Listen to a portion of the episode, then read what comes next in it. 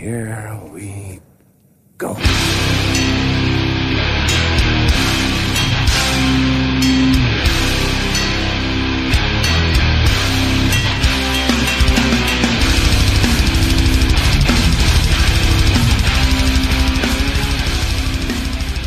Ja men sådär då, nere på noll, avsnitt 126. Den här gången presenterad i någon slags solosättning hittills i alla fall.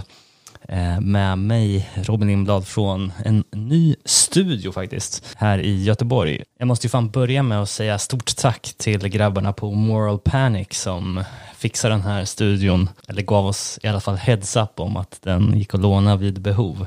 Det har ju varit lite halvdeppigt nu under våren med möjligheten att åka i landet och det har tyvärr drabbat oss i form av att vi inte har kunnat spela in något avsnitt tillsammans på ja, tre månader eller någonting. Vi vet ju inte hur länge den här pandemin kommer att fortgå och under tiden så finns det ju massa roliga idéer där ute som man gärna vill förverkliga i form av intervjua folk, spela in specialavsnitt från varsitt håll eller tillsammans. Och nu kan även jag vara med med lite förhoppningsvis bättre ljud än innan. Eh, dagens avsnitt kommer eh, i mångt och mycket handla om Antifa och punk.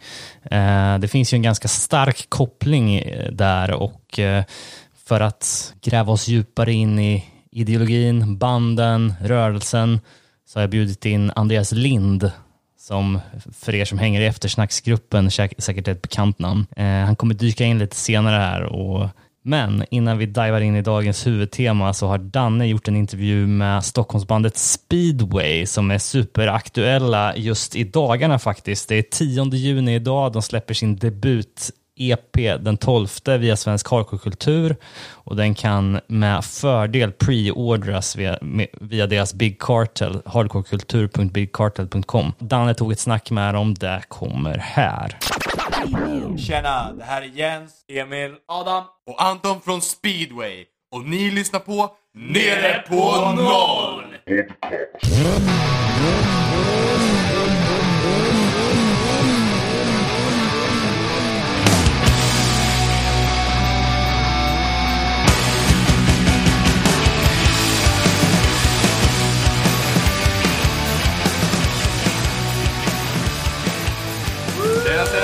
Händer? Vad händer? Ursäkta att jag stör er på en extremt solig och fin söndag eftermiddag. Ja, detsamma.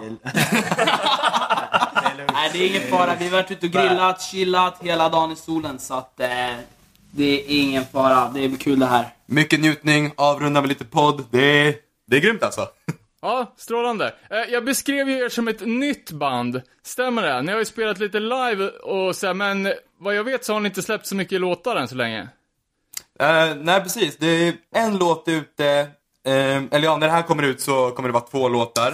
Eh, men det stämmer bra att det är nytt och färska grejer som pumpas ut just nu.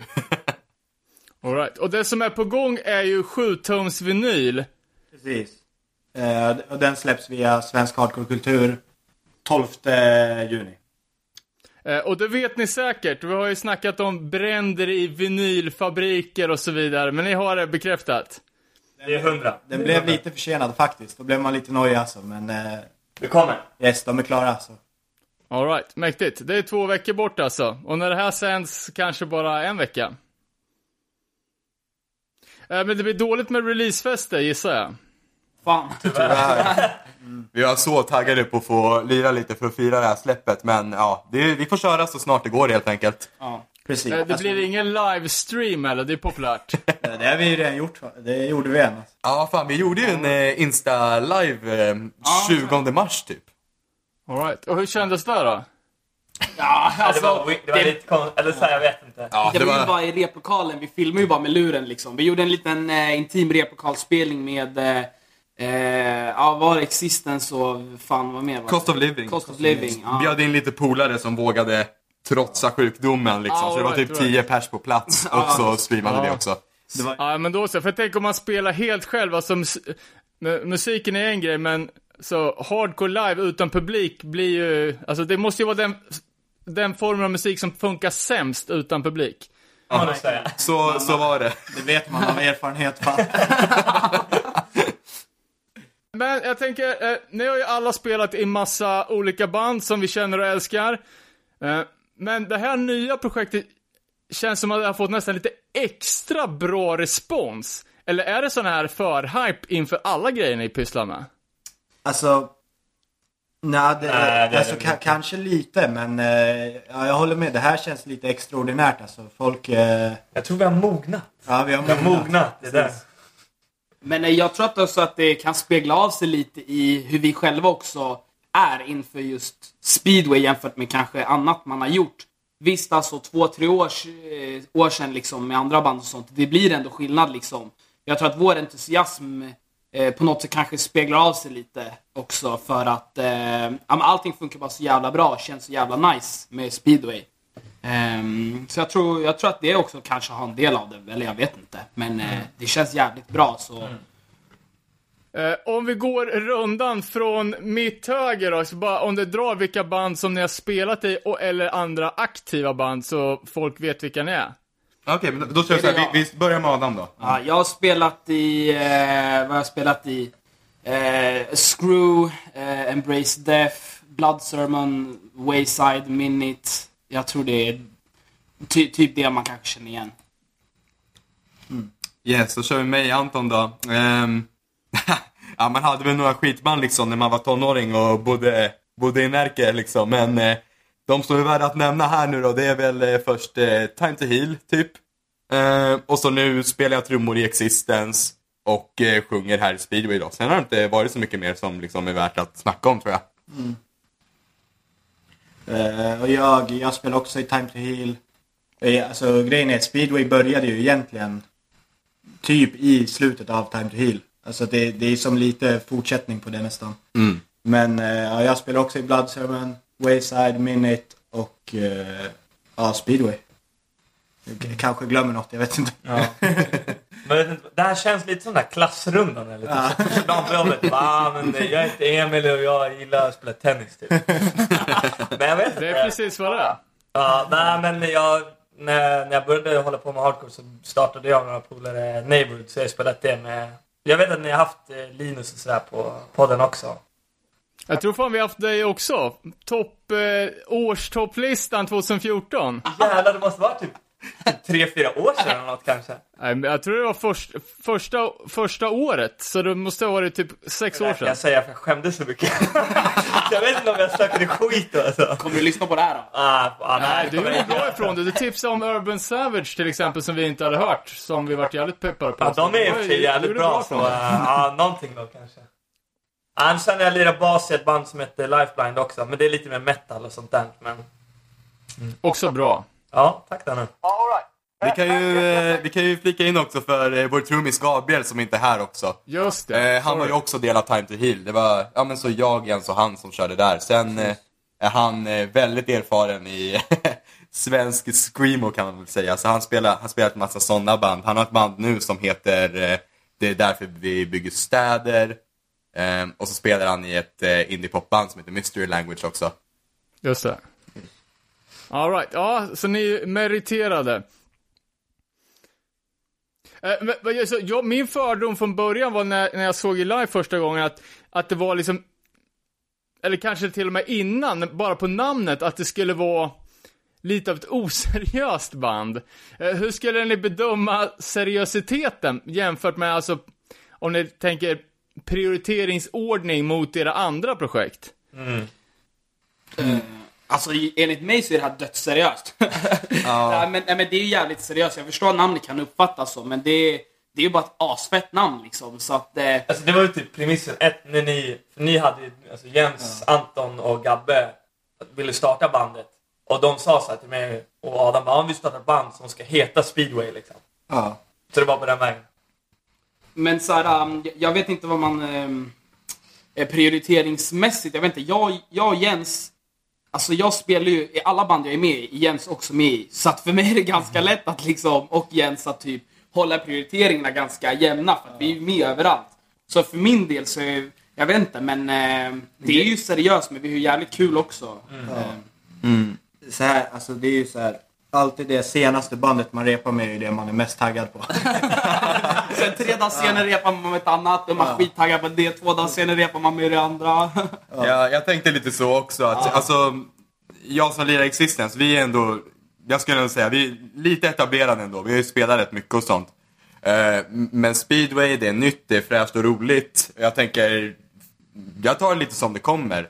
Eh, om vi liksom skulle eh, gå heltid bara från ingenstans, då är det klart man köper det liksom. men eh, jag känner att vi, vi tar det som det kommer liksom. Jag förstår. Och det är perfekt också att spela i flera band i olika genrer. Skulle man också kunna göra en hel, hel kväll med bara sina egna band? Stämmer. Det, det gör vi ofta. Eh, Men det har ju varit aktuella med, som vi hörde, en massa olika projekt. Känns det som att speedway har fått extra mycket hype? Eller blir det så här med alla grejer ni pysslar med?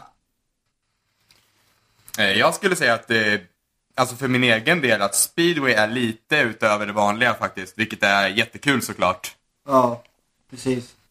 Eh, Ja, jag har inget att tillägga. Det, jag vet inte riktigt vad det beror på men eh, eh, kanske timing. det kanske är på grund av corona och folk sitter hemma och lyssnar på grejer som släpps faktiskt. To Shelter-spelningen kan ha vägt in Ja. jävligt mycket faktiskt. Det, det vägde nog starkt alltså. Men sen vi har ju pratat, alltså folk har ju fått höra om speedway. Alltså först är det ju polare som har fått höra om det, men sen andra också. Men innan folk har faktiskt fått höra musiken eller sett oss live. Och man kommer ju ihåg namnet. Jävligt lätt, för man bara ah, speedway, vad är det? Så det gör ju också att folk, det, det kanske på det sättet li- blir lite mer en snackis. På något sätt, för folk bara vad är det här, vad är det här? Sen också att vi spelar med Shelter, det, det tror jag absolut också gjorde att det, var, det, det är ju fact att folk hörde oss där och sen dess har bara väntat på att vi ska släppa oss. Och det är ju liksom folk som kanske annars aldrig hade hört oss för att de inte kanske är aktiva i hardcore nu. Mm, för det har vi ju märkt att eh, många av dem som hypar oss extra mycket, det är de lite äldre alltså.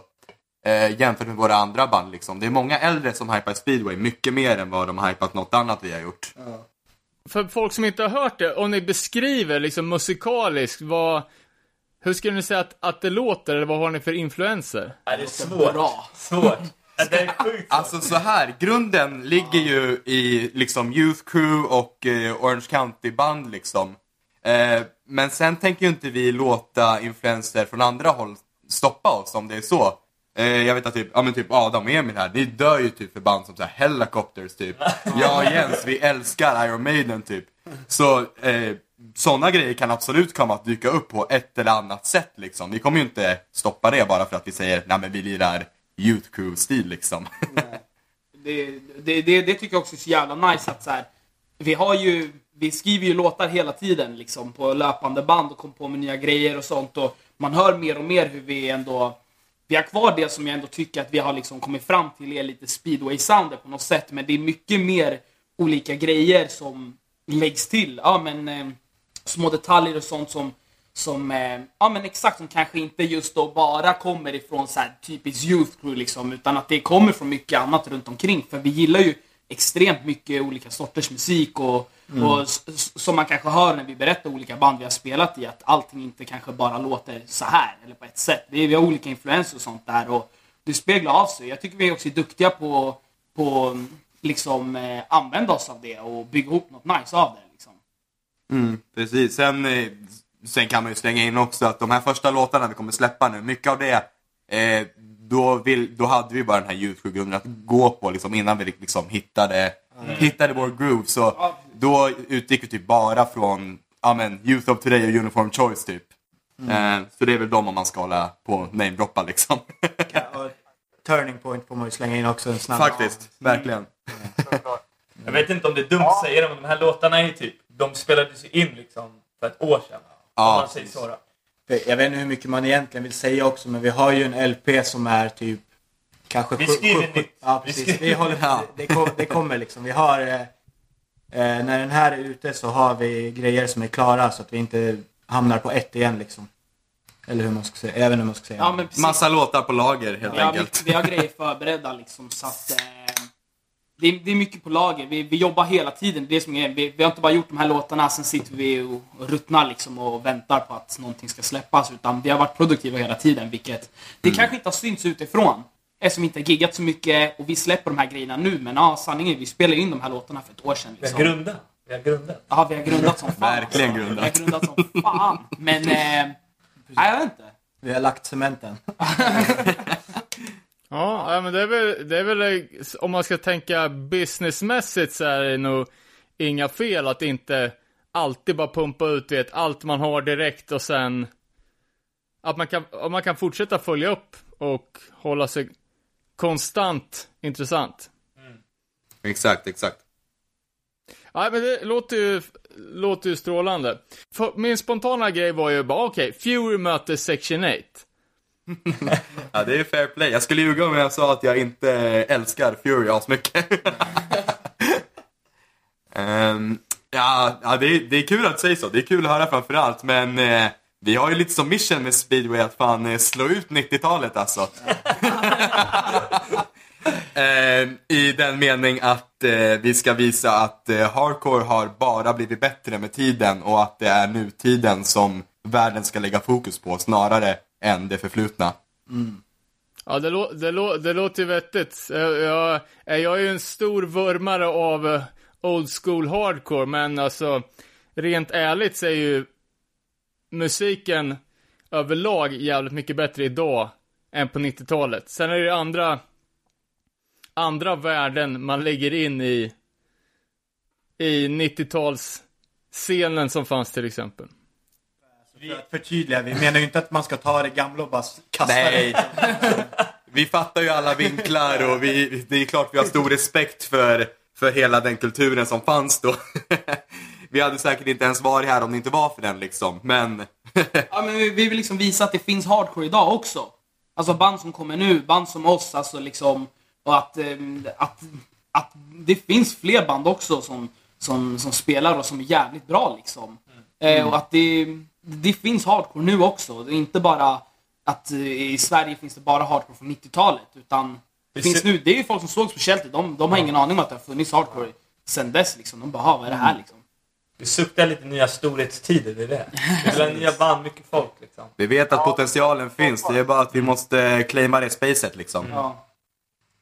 Men så, något som är jävligt intressant för mig då, som kom in på hardcore på 90-talet. Jag vet ju att ni är från en annan generation. Eh, och nu är ni ju ganska många här på andra sidan, men eh, hur kom ni in på hardcore och vad, liksom, vad fick ni ifrån från första början? Så jag vet, men det blir såhär, man lyssnade typ på metal och punk och sånt innan och så gled man liksom in för att man... det var... Man, man tyckte det var fett att det fanns liksom en underground-kultur liksom. För att, jag menar... Ja, alltså man, ja, man gick ju på spelningar typ i Stockholm här och typ på Frysen och sånt där. Och sen fick man ju nos om att ja, men det fanns spelningar på andra ställen liksom. Och det var jävligt häftigt att gå på dem liksom. Men ge, ge några exempel. Vad, vad, vad såg du på Frys? Var du så, kolla på Blink och sen fick du höra om någonting på Gula Villan eller? Nej, jag vet inte. Nej, inte direkt så liksom. Men, alltså, jag, vet, jag vet inte. Alltså, jag lyssnade... Alltså typ i högstadiet så lyssnade jag fan på typ Bullet from a Valentine typ, och liksom. Men sen liksom så började jag vara mer så här man... Jag lyssnade på Slayer och liksom lite trash och sånt där. Och sen så... uh, min farbror brukade ta med mig på spelningar och sånt där. Och sen så spelade han det här, det här är liksom när jag kom in tyckte jag på hardcore. Så spelade han med Hårda tidigt 2010 när de släppte Gatan kallar i Malmö. Och då hängde jag med. Och då så var det som att huvudet sprängdes bara liksom. och efter det så var det, då tyckte jag att det var typ det häftigaste liksom. Mm. Är någon annan som, som har något liksom konkret, eller liksom, eh, inte, om man kan ha sett någon hatebreed video eller vad fan, vad, som, var, som var stort? Kul, kul nog så hade jag en hatebreed text som så här undertext på MSN när jag var liten. Men jag, jag, jag, jag tänkte ju dem som ett eh, metalband då. Jag visste inte, jag visste inte vad hardcore var då alls.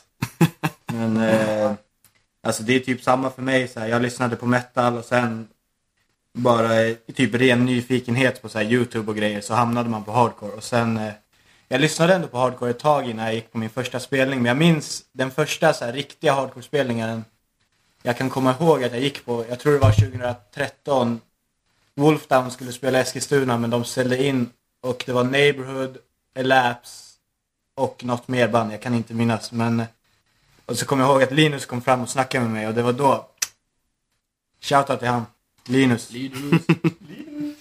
Jag vet inte, min, hur, hur jag hittar kvar, det, det känns lite så här, det känns som att jag kommit typ nästan baklänges på något sätt. Man, man börjar ju så här med rock när man är jätteliten. Så här, hörde typ Kiss när jag var typ 5-6. Guns N' Roses. Ja, men liksom så här, Kiss det hittade jag när jag var så här 5-6. Det jag dog för den skiten. Det är typ mitt favoritband fortfarande. Men sen så hittade jag metal och sånt när jag blev äldre. Så jag var riktigt så inne i death metal och sånt. Mycket slam och sånt där skit. Så jag hade ju så långt hår och alltså. kängor och sånt där eh, skit förut liksom. Och sen så så hittar man liksom, genom det, man hittar så här sjuka grejer, så här gore grind och så här, så här störda saker. Men, men, ige, men igenom allt det där så hittar man ju typ Obscene Extreme, så här videos på YouTube och sånt. Och där så hittar jag typ lite mer så power violence. Du har ju fan verkligen tagit Arlanda-svängen in i hardcore. Ja men det är helt sjukt. Men jag, jag såg eh, eh, Youth of Today, alltså 2011 på Getaway. Då var jag 13, men jag fattade inte vad det var. Men jag lyssnade på Break Down the Walls.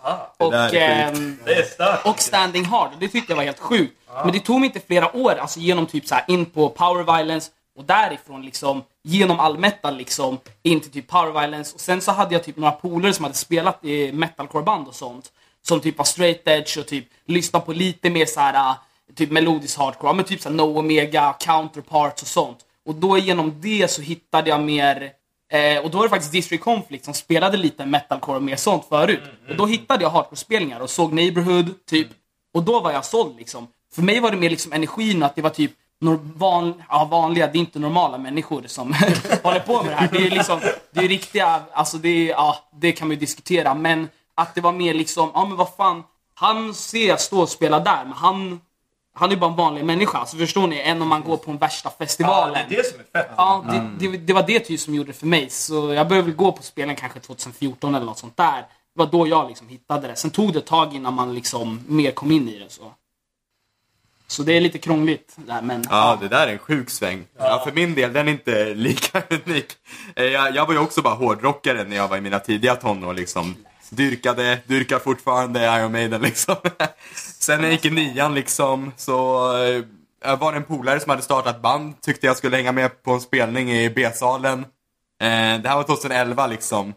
Eh, så då blev jag introducerad för hela den här eh, snedluggs metalcore-scenen liksom. Där, där har man varit. Så man, eh, man var där och nosade lite, kanske ett halvår max, men sen eh, träffade man polare där som lärde en att det var inte coolt. Ja, nej men så började man skifta över sakta där, gick lite mer på spelningar på stationen. Ehm, Det känns som stationen har varit viktig för Örebro liksom. extremt viktig. Jag var, med, jag var med i styrelsen där typ 2014, men det var inte så, det var en ganska låg period då, men var med där lite grann. Nej men så då, då började man lyssna på band som typ så här, ja men ehm, mycket så här 2000-tals melodisk hardcore, typ så här Killing the Dream, American Nightmare. ehm, mycket sånt liksom. Så det, det var mina så här första hardcore kärleksband liksom. Men det, det är sjukt för den musiken märks ju ändå av i speedway också. Alltså det är inte... Ja, Nej, det, jag håller med. Jag, har- jag har hört folk som har eh, kommit fram och sagt att sången påminner lite om American Nightmare. Ja, så, får man fråga hur du kom in på hardcore eller?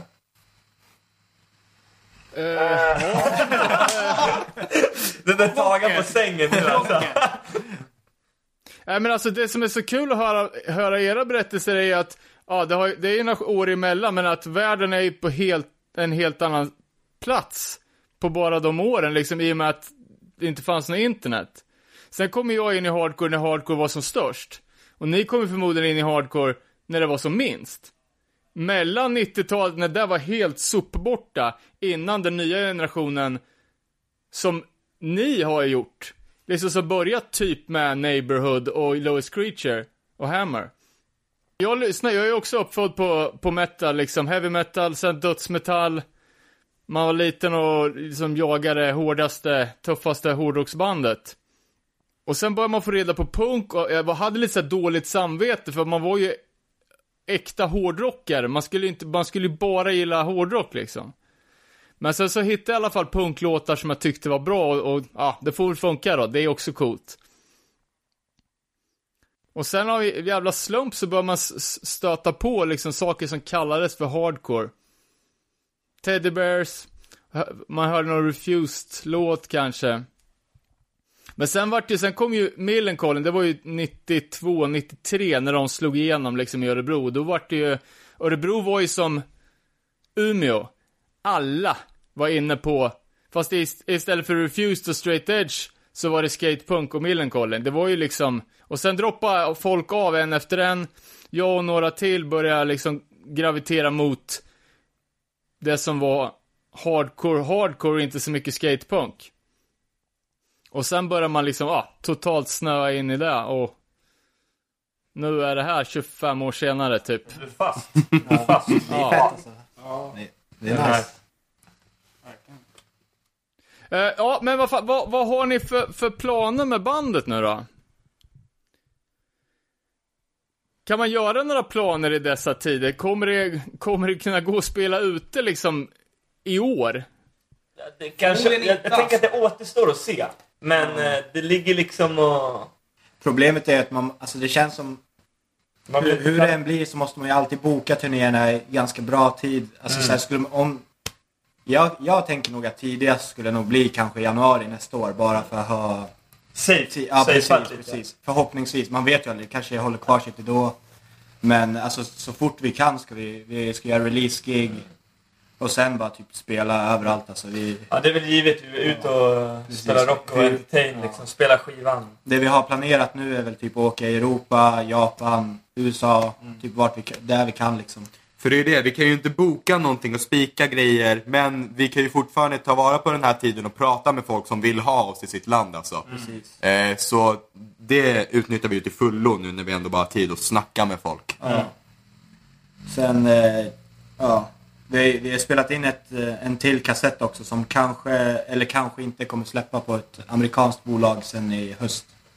All right, Men kul. fi- finns ingen, vi får inte säga så mycket. En liten tease sådär. Ja, den, den kommer säkert ut. Någon gång.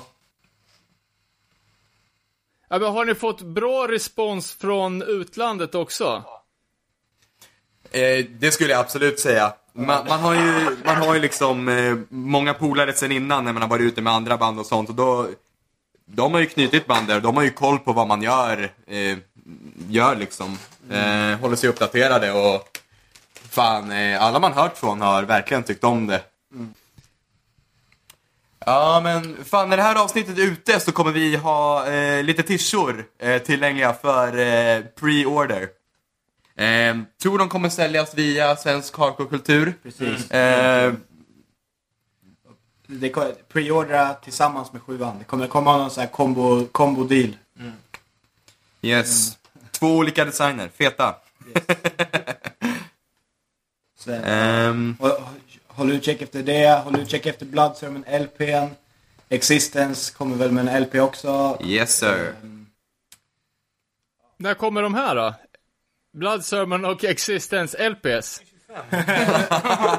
Nå, någon gång, det kommer. Någon gång. hur många låtar har ni med Blood Sermon? Sju, Åt, ja, sju, åtta typ. typ. Jag tror vi har åtta med Existence. Det är tävling. Ja, vi, vi racear lite grann. Blev vi klara samtidigt så slåss vi om det. Men vad fan, det kom ju en höra Existence eh, LP-promo för t- två månader sedan. Betyder inte det att man LPn är klar och inspelad och bara ska släppas? Ja, vi är otåliga. vi vill hålla oss relevanta, men sen eh, biter vi oss själva i, i svansen, eller vad fan man säger. Ja, vi, vi släppte ju LP-prom för ett år sedan. Precis, Blood Sermon LP-promo kom för ett år sedan. Så, Ja, men det måste vara bra alltså. Det är ing- inget förhastat. Men det kommer. Folk kan få hålla ut lite. Så, yes. Och så en, eh, en fet extra shoutout till Claes från eh, Svensk Hardcore Kultur. Yes. Heja Claes. Hjälte, han gör så jävla mycket för oss verkligen och vi är så sjukt glada för det. Ja, jävligt kul. Han är skittaggad och, och fan, han är lika engagerad som oss eh, i det här. Vilket är jävligt kul att hitta någon som, som också vill ja, men fan, köra på precis som oss. Jävligt roligt faktiskt. Stor shoutout till honom. Grymt. Ja, men fan, vi avrundar väl så då.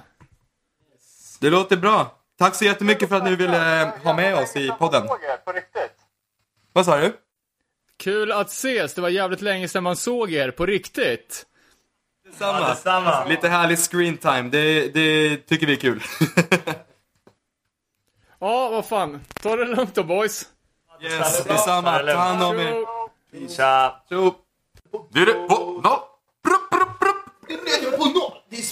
speedway, nere på noll podcast.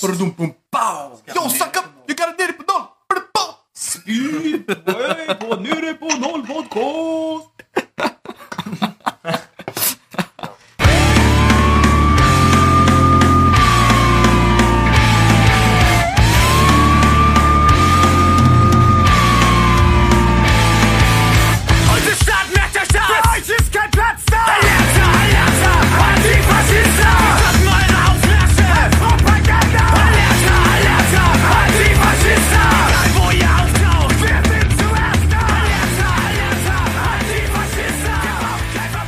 Sådär då, dagens huvudtema. Eh, nu har jag blivit joinad i studion här av Andreas Lind. Välkommen till Nere på Noll. Tack så mycket. Eh, första gångs besökare i podden kan man väl säga. Ja. Eh, men du är ju säkert bekant för några av våra lyssnare som hänger i eftersnacksgruppen. Ja, det kan väl hända. Kanske. Men du är ju dels musiker själv, du har en del projekt, inte minst Darkstar, som väl är hyperaktuellt. Du släppte ju någon ny låt häromdagen, eller hur? Ja, precis. I fredags. Och det är väl, vad ska man beskriva det för? Det är inte punk. Eh, det är eh, någon sorts eh, elektroniskt baserad shoegaze, dark wave. Lite som ett filmsoundtrack upplevde jag det som. Ja, men det tycker jag låter bra. Och sen är du ju också väldigt aktiv, eh, dels på Twitter, men i ja, ak aktivism överlag. Och har bra koll på Antifa och den historik som finns. Det är ju det som är vårt huvudtema idag. Vi ska snacka om Antifa, dess, eh, hur det uppkom eh, och också vilka band som är affilierade med, med rörelsen kan man säga. Japp. Och det här då med anledning av inte minst det som händer i USA nu med stora protester, polisvåld. Tema som väl har återaktualiserats på bred front ända sedan 2016 och valet av Donald Trump där kan man väl säga. Ja, och eh, att eh, den sortens eh, högerpopulism eller eh, mainstream extremhöger eh, har liksom gått framåt väldigt starkt nu. Eh, Men jag tänkte faktiskt börja i andra änden och fråga dig, eh, hur kom du in på punk? Alltså det, det var nog när jag var ganska liten och min syster som är ganska mycket äldre än mig eh, lyssnade på Ebba Grön, så hon hade lite Ebba Grön-vinyler. Eh, hon har inga längre, men det har jag. Eh, av någon oförklarlig anledning då.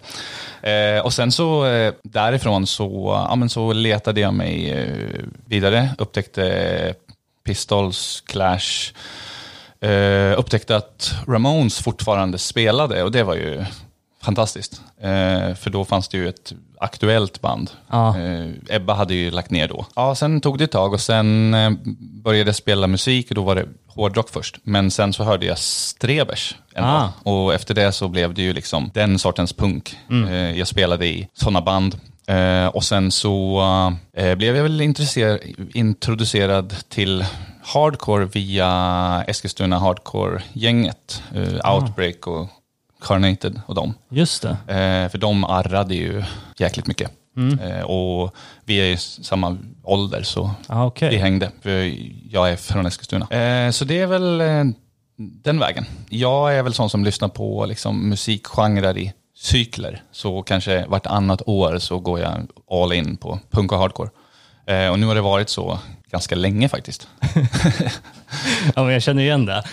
Jag brukar eh, så här, positionera mitt eget lyssnande i, över årets årstider. Typ. Alltså på våren är det en viss grej som gäller, på hösten så kommer man alltid in på postrocken. Ja, det är, det är väldigt, väldigt sant. Liksom, det, går i, det går i sådana perioder, men, eh, men kul. Jag vet inte, vi har inte snackat så mycket om de där gamla Eskilstuna-banden och den scenen. Eh, Så att, Nej, kanske ni borde göra. Det finns inte jättemycket att ta av i och för sig. Nej. Det är Carnated, Outbreak och sen något mer, åtminstone tills jag flyttade 2001. Och sen blev det lite revival där på 10-talet med Eskilstuna igen då, när Ballsta musikslott återkom på radarn i och med Live and Well-fest och sådär. Just det, Eh, det är sant. Men som jag förstår det så det är fortfarande lite festivaler som arrangeras där med lite hbtq, ja plus Ja, Eh, om, eh, om vi ska röra oss lite in på Antifa då.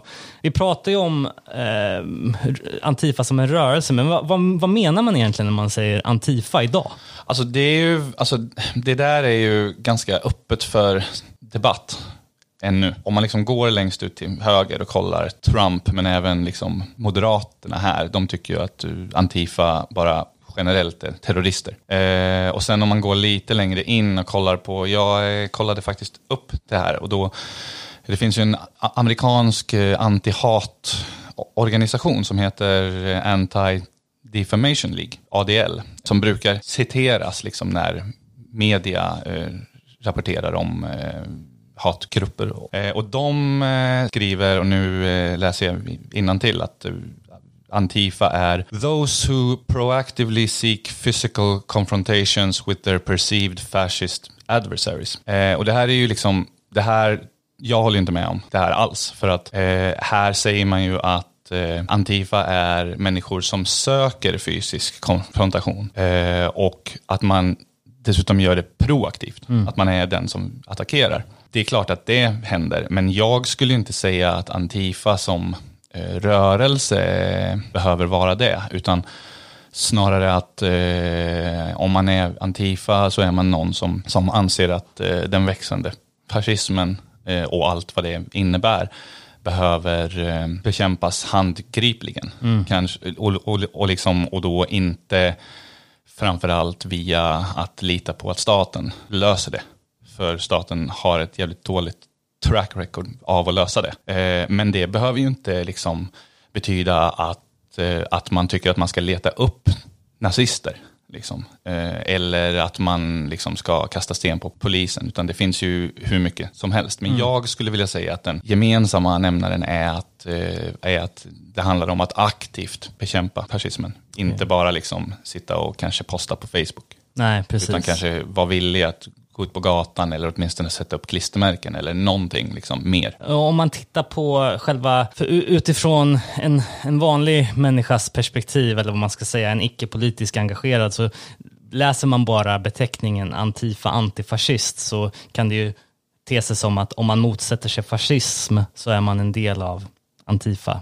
Men den distinktionen man då gör är att kunna agera utifrån de övertygelserna och det är på så sätt man Ja, alltså, och det, det handlar ju om att eh, kanske liksom, alltså det finns ju väl, det finns ju en del som, eh, som inte vill säga att de är antifascister, utan de säger så här, jag är inte fascist. Precis. Och så tycker de att det räcker. Ja. Men eh, liksom att vara antifascist, det är att vara, liksom, att vara det högljutt, att vara det utåt, att visa att, att man är en del i, av många. Det är ju liksom det som är, det är, det är meningen att det ska vara en massrörelse. Det är lite samma grej som med att vara feminist Exakt eller vara för sak, ja. kvinnors rättigheter. Precis. Man får alltid tänka på intersektionella perspektivet liksom i alla de här frågorna. Ja, och folk, alltså jag tycker ju att när någon säger så här, jag är inte antifascist, men jag är inte fascist. Eh, eller de säger, jag vill inte kalla mig feminist, men jag är för eh, alla människors lika rättigheter. Då känns det, och så, då är ursäkten oftast att så här, för det finns antifascister som kastar sten och jag vill inte bli förknippad med dem. Eller det finns radikalfeminister som hatar alla män. Eh, men det där, för mig så låter det där som en jävligt dålig ursäkt för att inte behöva ta ställning. För att man känner så här att jag behöver inte ta ställning för jag är så privad så jag bryr mig inte. Precis.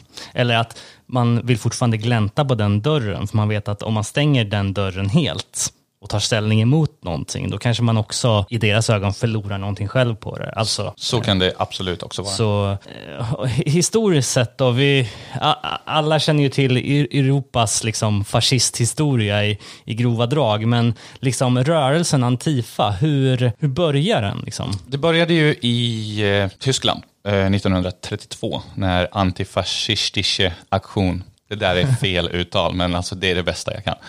Bildades ehm, av, eh, det var ju i, i, i det Tyskland som var Weimarrepubliken då, alltså det. Tyskland var efter, efter första världskriget. Det bildades då av det tyska kommunistpartiet och då sägs det väldigt förskönande att det här var en milis som eh, bildades för att eh, kämpa mot SS på gatan. Men det är, inte, det är inte riktigt, det är lite sant, men det är inte riktigt, det är inte hela bilden. För att kommunistpartiet då var ganska rigida. Eh, så de eh, ansåg att liksom kapitalist, eh, kapitalismen är det sista förstadiet innan fascism. Så de var liksom emot alla partier som inte var uttalat antikapitalistiska. Mm. Och då var ju Socialdemokraterna till exempel var de väldigt arga på och bråkade mycket med på gatan kallade dem för socialfascister. Sossarna hade ju en egen grupp tillsammans med Liberalerna som hette Järnfronten. De har en logga som är en rund ring med tre pilar neråt vänster. Eh, alltså bägge, både antifascistiska aktion och Järnfrontens logotyper är ju, eh, är, är ju väl använda av antifascister idag och liksom betyder inte riktigt samma sak nu. Så eh, det var ju där det började då. Det, var ju, det, det är därifrån själva Antifa kommer. Men den gruppen fanns bara till 1933.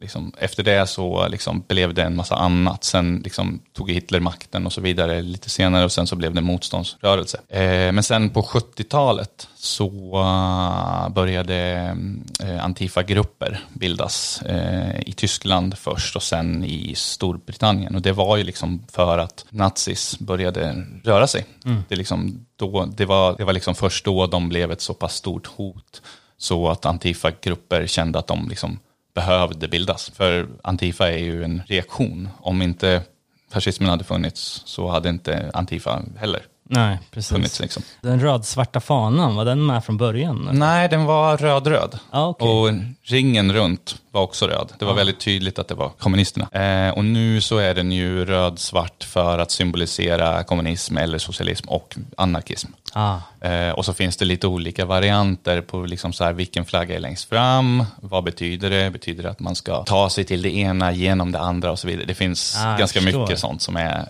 ja, inte det så officiellt, men Nej. folk har mycket åsikter om det. kan känna det lite så här när folk kommer och frågar en om straight edge, liksom så här att åh vad fan du dricker kaffe och så bara, ja men då får man förklara att ja men det finns vissa som väljer bort det, det finns vissa som väljer bort sex, bla bla bla så här. Men, men att det inte, de diskussionerna hamnar man ju alltid i. Ja, Eh, absolut. Och det är ju väldigt mycket så här, vad är rättrådigt och vad Ja, är inte. exakt. Liksom. Och det är ju, det är ju Ständigt. bara fånigt. Liksom. Eh, så det där tycker jag att man kan få eh, hantera hur man vill. Mm. Eh, jag som är anarkist, eh, jag har en eh, antifascistisk aktionflagga som jag brukar använda på första maj. Typ. Och den är svart. Det är bara svart. För att vara tydlig. men i vilket fall då så, ja, 70-talet då så bildades det Antifa-grupper. Och i England då så var det ju, det var ju mycket punkspelningar och sånt och de började bli infiltrerade av naziskins. Så det var ju då man började liksom att så här, vi måste ha någon sorts motstånd mot det. I USA i början på 80-talet så uh, började det bildas, eh, kanske lite tidigare, men det som jag känner till, det är från början på 80-talet då, så bildades det antirasistiska skinhead-gäng. De hade inget namn, liksom. alltså, de kallades inte någonting på det viset, de hade individuella namn. Liksom. Det tidigaste jag känner till är ett som heter The Baldies från Minneapolis. Och de började turnera med olika band som de gillade. För de hade också pr- problem med, med liksom naziskins. Så de började turnera med olika band som de kände. Och för, och liksom det var väl så att de, de, de hoppades lite på att det skulle så här, dyka upp nazis på spelningarna så att de fick fightas. Så, så, så liksom, de var någon sorts resande nazispöar cirkus. Eh, men och då sägs det i varje fall att de träffade ett annat antirasistiskt skinhead-gäng i Chicago och bestämde sig tillsammans, inspirerade av vad som hände i England framför allt, eh, för att starta ARA, Anti-Racist Action. Okej. Eh, och då, eh, då sägs det också att anledningen till att de valde ARA istället för Anti-Fascist Action var för att de tyckte att så här, men här i USA så kommer folk inte fatta vad det är. Utan här, vi tar det här så fattar folk vad vi håller på med. Liksom. ARA, de fortsatte ju att liksom turnera med en hel del band på 80 och 90-talet då och började ha lite bokbord och sånt för att liksom kunna utbilda folk som kom och kolla. Eh, och de var ju de var ju mycket så här marxister och att de, de rörde sig liksom i, i, i, i den politiska fåran. Eh, och eh, Maximum Rock'n'Roll eh, skrev en ganska lång grej om eh, ARA 1987 och sen så fortsatte de att liksom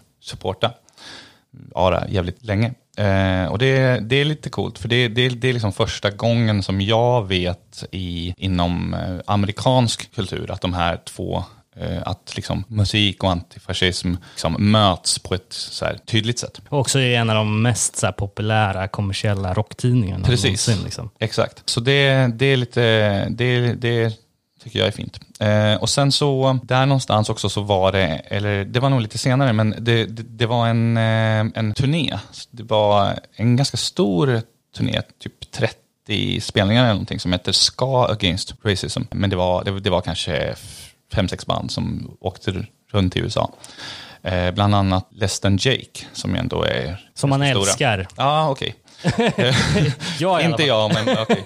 Eh, Men, eh, och eh, den turnén donerade 23 000 dollar till ARA också. Ah, så okej. det var verkligen så att den rörelsen växte och spred sig till ganska många städer i USA. ARA har ju sen liksom gett upphov till de- dels en massa Antifa-grupper och eh, även till andra liksom, radikala rörelser som Copwatch i USA till Okej. exempel är liksom direkt från ARA. Det är folk från ARA som har liksom, ja men nu ska vi ta det här åt ett annat håll liksom. Just det.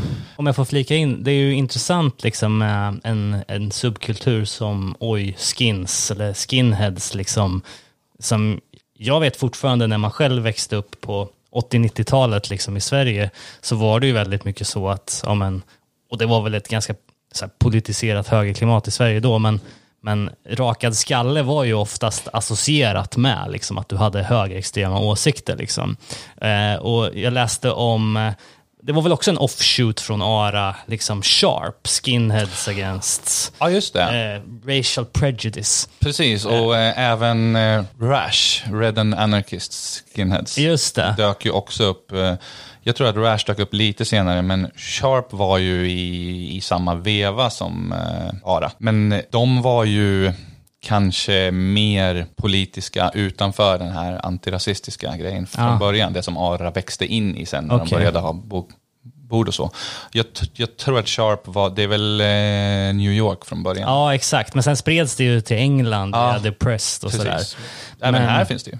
Ja, det finns det? Okej. Ja, stenhård, eh, någon så här romersk hjälm-logga på dem som, Exakt. som ser så jävla hård ut. Jag har faktiskt en på en eh, kaffemugg Ja, ja, ja. som jag har köpt på Cortex. Eh, så det är, ja men nej, den är fin. Eh, Ja, den Cortex, och. Cortex är också en, en butik som går i bräschen för det antifascistiska budskapet. Liksom. Verkligen. Eh, mycket. En grej jag tänkte på också när vi pratar om det här, det är ju att så här, skinheads och oj, och det är ju så här väldigt, eh, i alla fall min nidbild av det, en vita män-dominerad scen. Liksom. Och också, jag kan tänka mig att okej, vi bemöts med massa rasistiska anklagelser, vi är inte alla så och då kommer en motreaktion såklart. Men finns det några andra grupper tidigt i eh, eh den antifascistiska kampen som inte var liksom eh, vita snubbar? Black Panthers kanske? Jag tänker på... Ja, nej men eh, eh, det är sant. Black Panthers eh, är ju absolut, men deras kamp var ju ändå, den är ganska, eller den var då eh, ganska nischad på grund av att de kunde inte göra det på något annat sätt.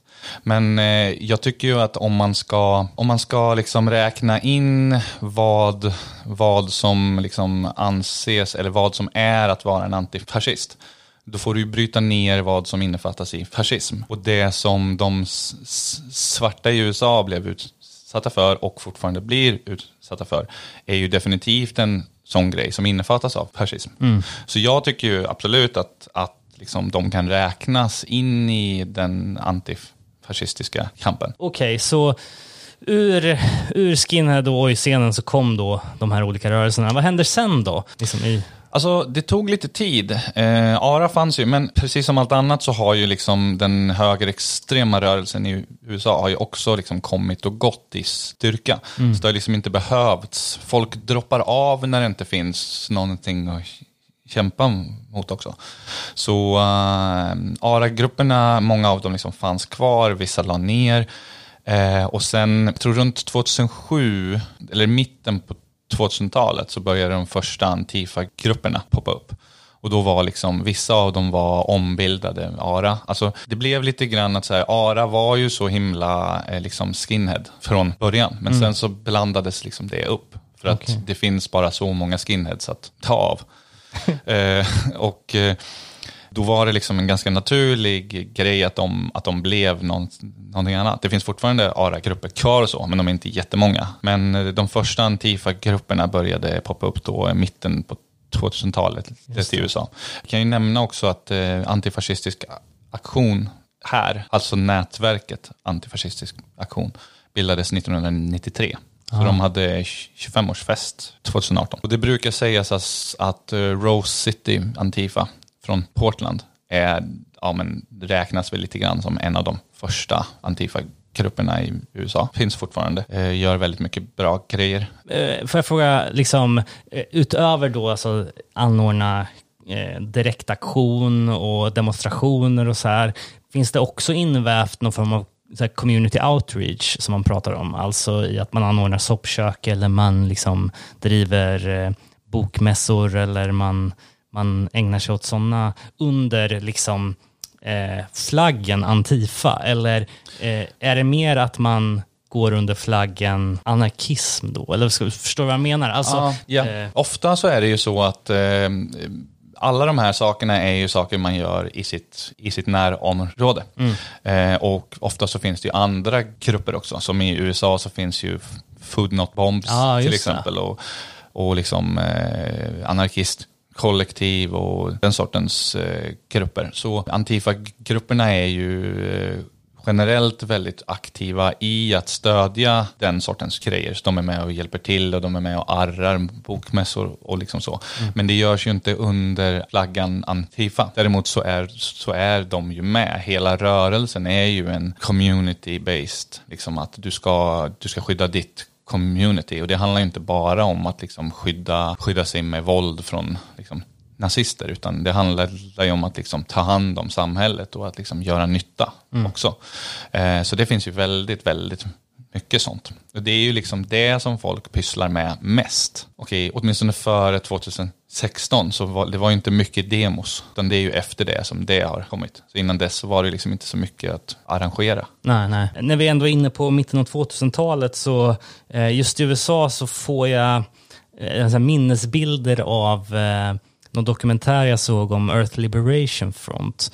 Eh, Eh, when, if a tree falls. ja, exakt. Det, ja. Eh, men jag minns inte, men eh, det känns eh, som att eh, det eventuellt finns lite men, men det är väl mer att man då identifierar sig med liksom, anarkism överlag och att det är därför man får lite sådana associationer. Eller var det, var det så att de antifascistiska nätverken i USA formades in i olika falanger och det var en av dem? Eller?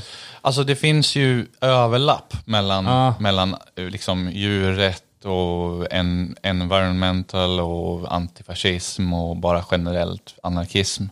Eh, så det är ju väl, det är mycket människor som har varit inblandade i eh, olika saker eller som har liksom vandrat lite mellan och liksom så. Eh, men det som, det, som, eh, det som är den röda tråden där är väl direktaktion, och liksom viljan till det. Eh, och det är ju ingen, det är ju ingen antifascistisk grej i sig, liksom, utan den har ju funnits den har ju funnits länge. Jag, jag har ingen aning om vart det kommer ifrån från allra första början, men det är väl anarkister som typ kastade så här klotbomber eller någonting Just det. för länge, så länge, länge sedan. Eh, så att, eh, men alltså det finns ju absolut överlapp, stora överlapp och väldigt mycket att man liksom sympatiserar och liksom stöder varandra. Om någon, till exempel eh, om någon åker fast under en direktaktion så hjälper alla till att samla in pengar och, och liksom s- stöder dem medan de sitter i fängelse och, och liksom sånt. Ja, just det. Just det. som vi ser mycket nu med den bail fund i USA. Ja, precis. Även här så har vi ju haft, eh, i Göteborg så har vi två stycken personer som inväntar rättegång. En för en incident eh, 1 maj 2018 och en för en incident 1 maj 2019. Och där så har det ju samlats in ja, men nästan 100 000 eller någonting jävlar. för liksom, rättegångskostnader och de eventuella böter som det kommer att bli och så. Så det finns mycket solidaritet. Och det, det är ju verkligen så här, alla har hjälpt till.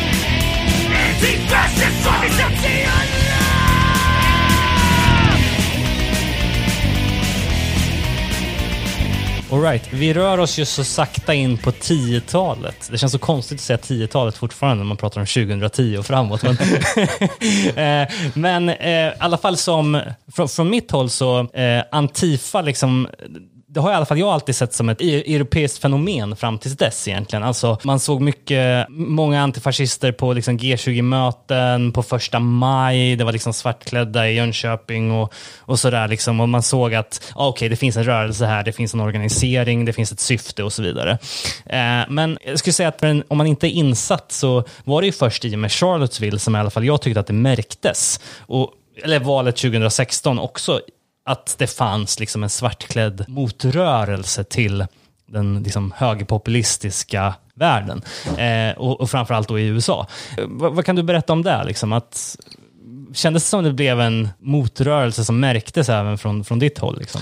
Jo, men eh, så var det ju. Men det började egentligen lite tidigare. För att eh, i början på 2010-talet, kanske 2012 eller något sånt där, eh, så det var ju då som Richard Spencer, den, eh, den, eh, den kände alt-right förgrundsfiguren som, som mest är känd idag för att han fick spö på Trumps inauguration. Just det. Han, det var ju då som han började starta hela alt-right-grejen. Eh, Eh, jag vet inte om man kallade det för det då, men hela den filosofin liksom började, det var, det var då den började liksom ta form eh, och började få följare och sådär.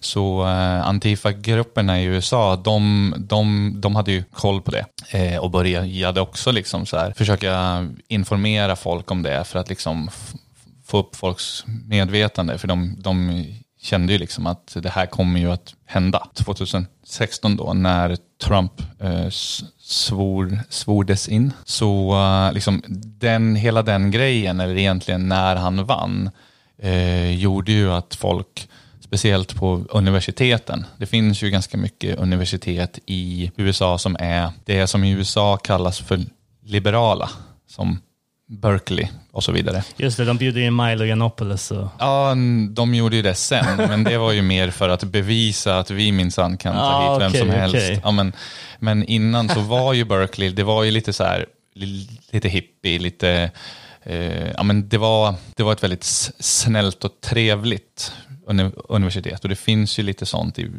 USA och där började det ju växa. Det var ju, liksom, det, det var ju på universiteten som liksom den motrörelsen som gick ut på gatan, det var ju där de började. Liksom. Och det var ju många som så startade Antifa-grupper också. Då, liksom.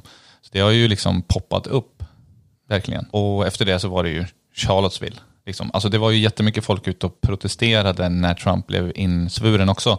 Men eh, liksom det var ju, och det var lite, de tog ju ganska mycket folk Okej. eh, då. I samband med inauguration. Precis, protesterna liksom. Eh, och de, eh, de, det var ju tal ett tag om att de skulle få liksom, alltså livstid. Alltså det var ju helt hemskt. Och det samlades, la- la- lades in jättemycket pengar till dem och alla blev ju frikända sen. Okej. Det gick inte liksom, de, det fanns ingenting på dem utan det där var en, någon sorts varning Liksom att ni kan inte gå ut och protestera på det här viset när en president blir insvuren. Ni måste som goda amerikaner hålla er i ledet. Liksom. Just det, och då, då finns det ju, det finns ju en ökänd film också där eh, Richard Spencer håller ett tal på någon så här fin klubb och så står det en massa folk. Och så avslutar han talet med Hellseger, vilket ju är en direkt översättning av det gamla tyska. Ja. Eh, och folk heilade och hade sig. Eh, så, så det var ju ganska tydligt åt, liksom, vad de tyckte. Och det var ju hela vit maktrörelsen i USA. Eh, liksom allt från alt-right till klanen till eh, liksom, eh, någorlunda nystartade nazigrupper. Eh, de de, de, de liksom kände ju att nu har vi medvind här. Eh, och med facit i hand så de hade ju rätt också. För att Trump har ju inte di- direkt gjort något för att liksom, liksom få dem att känna att han inte är med dem. Precis. Snarare tvärtom. Liksom, Han har halvhjärtat tagit avstånd bara för att han måste fem dagar senare. Precis, han är väldigt snabb med att säga both sides så fort det är övertydligt för oss handlare vilka som ligger bakom. Precis. Här såg man ju liksom, alltså det var ju så mycket folk ute i, i Washington den dagen. Så, så liksom, det syndes ju verkligen. Och sen var det ju Women's March någon dag efter också, som också var liksom alltså 10-20 000 pers. Eh, så så liksom, det syndes ju att här är det ju en motrörelse på gång. Det här är ju inte människor som kommer gå ut en gång och sen gå hem och sätta sig. För att om vi säger som när vi hade motdemonstrationen här i Göteborg mot NMR 2017. Då, då var det ju att liksom så här, nu ska NMR marschera i Göteborg. Då går alla ut. Men sen när det händer någon annan liten, alltså efter det så är NMR borta. Det är ju inte så att de marscherar på den liksom, nivån varje helg. Nej. Men i USA så var det liksom så här att men nu har ni den här presidenten i fyra år. Då går inte folk ut på gatan en gång, utan då fortsätter de. Ja. Och liksom, här hade ju Antifa-grupperna liksom ett guldläge, vilket de verkligen tog. De har ju liksom jobbat stenhårt med att liksom sprida sitt budskap också. Att det här är vad vi gör, det här är vad vi står för. Liksom, eh, häng med oss ut. Eh, och det har ju funkat. Alltså det har ju funkat så eh, otroligt bra att Richard Spencer har ju liksom, har ju liksom slutat göra publika framträdanden för han har fått så mycket spö. Och det är, liksom, det är svårt att se det som något annat än en vinst. Mm, Och en annan sak som hände där 2016 också, det var ju eh, Green Days eh, framträdande på Music Awards, American Music Awards, där de tog till den här gamla MCD-slagorden. Eh, de, de släppte ju en låt, var det 81, som hette typ Born to Die? Born to lose. Born to Lose. Eh, där de sjunger No War, No KKK, No Fascist USA. Och de tog det men sa No Trump, No KKK, No Fascist Exakt. USA. Det var ju ett, eh, alltså jag, jag, jag måste säga att jag blev inte jätteimponerad. För att jag, det kändes ganska opportunistiskt. Men å andra sidan så det hjälpte ju. Det, det liksom fick ju en generation att lyssna. Liksom. Alltså det, det är verkligen, eh, det var ju bra gjort. Alltså det, det fyllde sin funktion. Det var nog ganska mycket kids som inte riktigt visste hur de, de liksom kände att fan, det, här, det är ingen bra grej som händer här. Nej. Men vi vet inte riktigt hur vi ska uttrycka det. Och så kommer liksom ett sånt band och gör det. Det ger ändå ett avtryck liksom Ja, som verkligen. Public Enemy som kanske inte är så jävla stora med kidsen nu. Alltså vad de säger är också viktigt, men det är ju när liksom de, eh, de som tilltalar den lite yngre generationen talar ut. Det är, liksom, det är då det ger ett mer långsiktigt resultat. Bara snabb bakgrund på MDC. Det var ju ett eh, amerikanskt punkband från Texas från början. Eh, förkortningen är ju egentligen Millions of Dead Cops, men MDC som eh, också var, alltså från början 79, supervänster och liksom Precis. Eh, det blev en stor uppslutning kring dem. Och jag, nej men som jag förstår så var det också liksom mer i, i det bandet, mer än bara liksom vänsteråsikter. Det var också liksom eh, djurrättsaktivism och, och hela spektrat. Ja, alltså de, eh, de hette väl Millions of Dead Cops från början, men sen så bytte de till eh, MDC Ah. och sen så bytte de väl vidare. Och namnet Millions of Dead Cops tar man ju inte om man bara är lite vänster. Nej, alltså, exakt. det är ju en ganska radikal eh, ståndpunkt, även om man kanske inte menar det bokstavligt så är det ändå liksom All Cops Are Bastards, Mm. är ju, det, är ju en, det är ju en barnsång i, i jämförelse. Liksom. Ja, verkligen.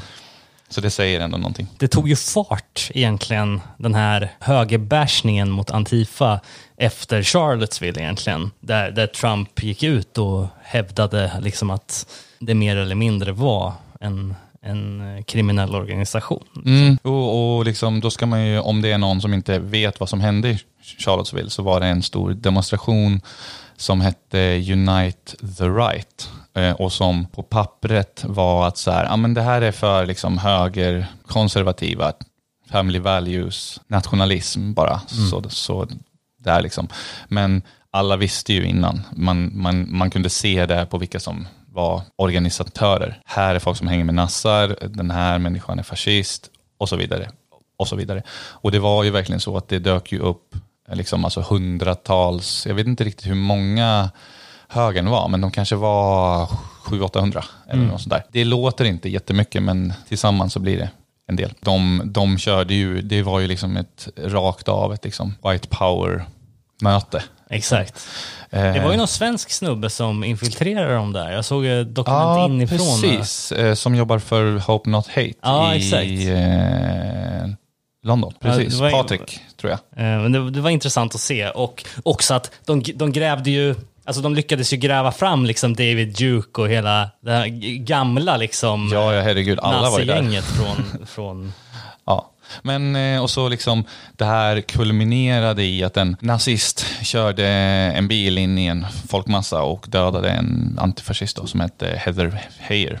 Som ju har blivit något av liksom en ikon. Och det var ju efter det som Trump sa att så här, jo men det fanns eh, dåliga sidor, eller dåligt folk på bägge sidor. Men det fanns också väldigt bra folk på bägge sidor. Om man är så här, det är väldigt svårt att se väldigt bra folk när 700 pers marscherar och skriker Jews will not replace us Ja, exakt. så är svårt att se de bra människorna i, som är med i det. Liksom. Men, men det är det som kan bli så förvirrande för, ur, ur en svensk kontext i alla fall tycker jag. Det är att vi ser ofta, alltså Trump har ju kommit att personifiera hela det republikanska partiet härifrån, eh, vårat håll. Liksom i det att eh, det känns inte som att en republikan kan stå för någonting som är bra överhuvudtaget. Alltså så här, eh, och ens kan motsätta sig någonting, för att de lägger sig ofta pladask. Liksom. Men det är det som är så intressant bland Strength for a Reason till exempel, Hardcore-bandet, som är rårepublikaner men också är väldigt så här antirasistiska. Det sätter lite pinnar i huvudet på en liksom, när, man, när, man, när man hör sånt. Liksom. Ja, och det, det, där är ju lite, det där är ju lite farligt också för Trump har ju flyttat ribban, alltså ganska mycket. Och det är ju för att han, han har ju en så här vulgär, han har ju ett vulgärt sätt som, eh, som liksom ingen annan har haft. Det har ju funnits politiker som har varit liksom otrevliga, liksom som, har, som är liksom väldigt svårt att tycka om.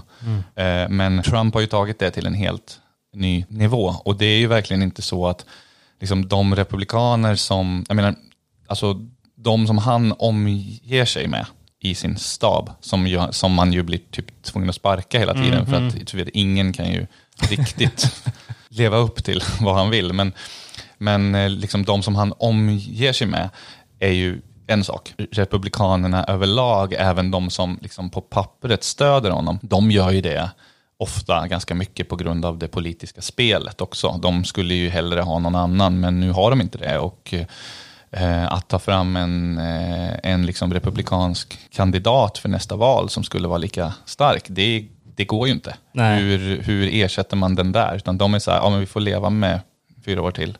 Och så får vi göra det bästa. Liksom. Eh, för det är ju inte alls så att liksom alla republikaner är på det viset. Nej. Så är det ju inte. Det är ju som Anti-Defamation League, som Ja. jag pratade om förut. De är ju liksom, de är ju någonstans, de är mer höger än vad de är vänster. Liksom. Det är ju så. Och de gör ju ändå, liksom, ändå ett bra jobb i mångt och mycket. Ja. Även fast de också har, de har ju liksom lite ton i sidan till Antifa för att de så uppenbart är vänster. Eller de upplevs i varje fall vara vänster. Det är mycket med ikonografin och så. Det är väldigt svårt att skoja bort en röd-svart flagga om man är republikan. Liksom. Rent, rent tekniskt så finns det absolut ingenting som hindrar att en republikan är Antifa. Det är ju bara att liksom motsätta dig fascism. Det är ju inte så jävla svårt. Liksom. Så Nej, det borde absolut, eh, det, alltså det, alltså folk säger det väldigt ofta, men att vara antifascist, det borde vara någon sorts standardläge. Det är Ja, ingenting man precis. skulle behöva bli liksom applåderad för, eller wow, den där personen antifascist? Det är bara konstigt liksom. Varför att det, inte? Att det just skulle vara kontroversiellt överhuvudtaget. Liksom. Det är det som jag tycker är så sk- skevt. Och, och, och det känns också som att det har blivit så mycket mer kontroversiellt sen det kom upp i USA. Ja, och alltså det, det finns kanske, det finns ju kanske någonting i det, för det har ju varit väldigt mycket, eh, speciellt nu när liksom allt på alla demos och alla konfrontationer, allt filmas ju. Det har ju varit mycket folk som har till exempel trakasserat Trump-supportrar och sånt. Liksom att, och de har dykt upp på Trump-vänliga möten och sånt som, jag menar, som kanske inte... Trump balans, alltså han använder ju fascistiska verktyg. Han, han har ju liksom inte förvandlat USA till en fasciststat för att det är svårt att göra. Liksom, speciellt på fyra år. Eh, men han använder ju fascistiska verktyg. Men det, det betyder fortfarande inte att alla som gillar Trump eller som röstar på Trump är fascister. Det är liksom, den förenklingen är ganska så här farlig och eh, det motverkar liksom målet. Om du går och kallar alla Trumps supportrar för fascister så kommer de rösta på honom ännu mer. Nej, men, och jag, jag tycker det är kul också, för, för tio år sedan, den galnaste republikanen man kände till, han är nu den enda som motsätter sig Trump offentligt. Mitt Romney. Ja, och det är ju lite så fascinerande Ja. att, att, eh, att eh, det känns så. Men vi har ju haft, eh, alltså jag tycker vi har haft en liknande utveckling här också. För alltså Reinfeldt framstår ju ändå som the lesser evil för tillfället. Ah, Ja, men verkligen. Man skulle ju aldrig kunna tänka sig eh, Ulf Kristersson ställa sig och, och, och, upp och säga liksom, vi behöver solidaritet med våra flyktingar. Liksom. Nej, alltså, det skulle Aldrig, aldrig det hända. skulle aldrig hända. Nej. Men också det här som vi pratade om med USA, att, att det blir en sån himla polarisering i att man klumpar ihop vänsteraktivister med extremhöger och säger att det är liksom extremiteter och att man så, på så vis avfärdar det. Ja, och jag menar det har nog lite med det här tvåpartisystemet att göra också. Att du måste liksom bekänna dig till den ena eller den andra sidan. När det finns liksom hur mycket gråskalor i bägge som helst. Men de, de ser man liksom inte när man ska liksom peka ut en fiende. Så, och det är ju lite knepigt. Och jag menar, här så har vi ju en, ändå liksom att så här, om man kollar Centern och Liberalerna som ändå är höger, de är ju så här väldigt uttalade antirasister. Alltså från liksom toppen neråt. Sen så har det ändrats så här lite grann på sina håll eh, och alltså i, hur ska man säga, folk är inte lika pigga på att ta emot flyktingar längre. Men det kan man ju faktiskt ha andra anledningar för. Jag tycker att de andra anledningarna är fel. Men jag tycker inte att det är på grund av att folk är fascister. Liksom, det, är- det, är- det är ändå lite skillnad. Mm, verkligen. Ehm, så vi, vi har ju li, li, liksom inte riktigt det här. Sen kan man ha åsikter på hur, hur genuin den antirasismen är. Men det är ju åtminstone inte andra sidan av det. Liksom. Come on, come on!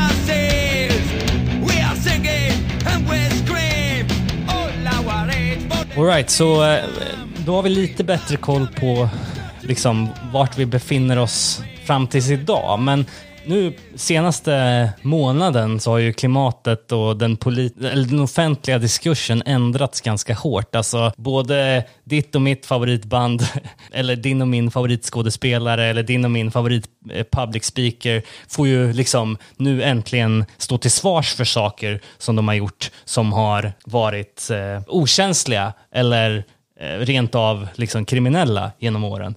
Eh, och det känns som att det pågår en, en liksom utrensning bland de som vi ger eh, möjlighet att ut, uttrycka sig offentligt och ta plats. Liksom. Att det håller på att eh, bli ett mer jämställt klimat, i, både i USA men också i världen i stort.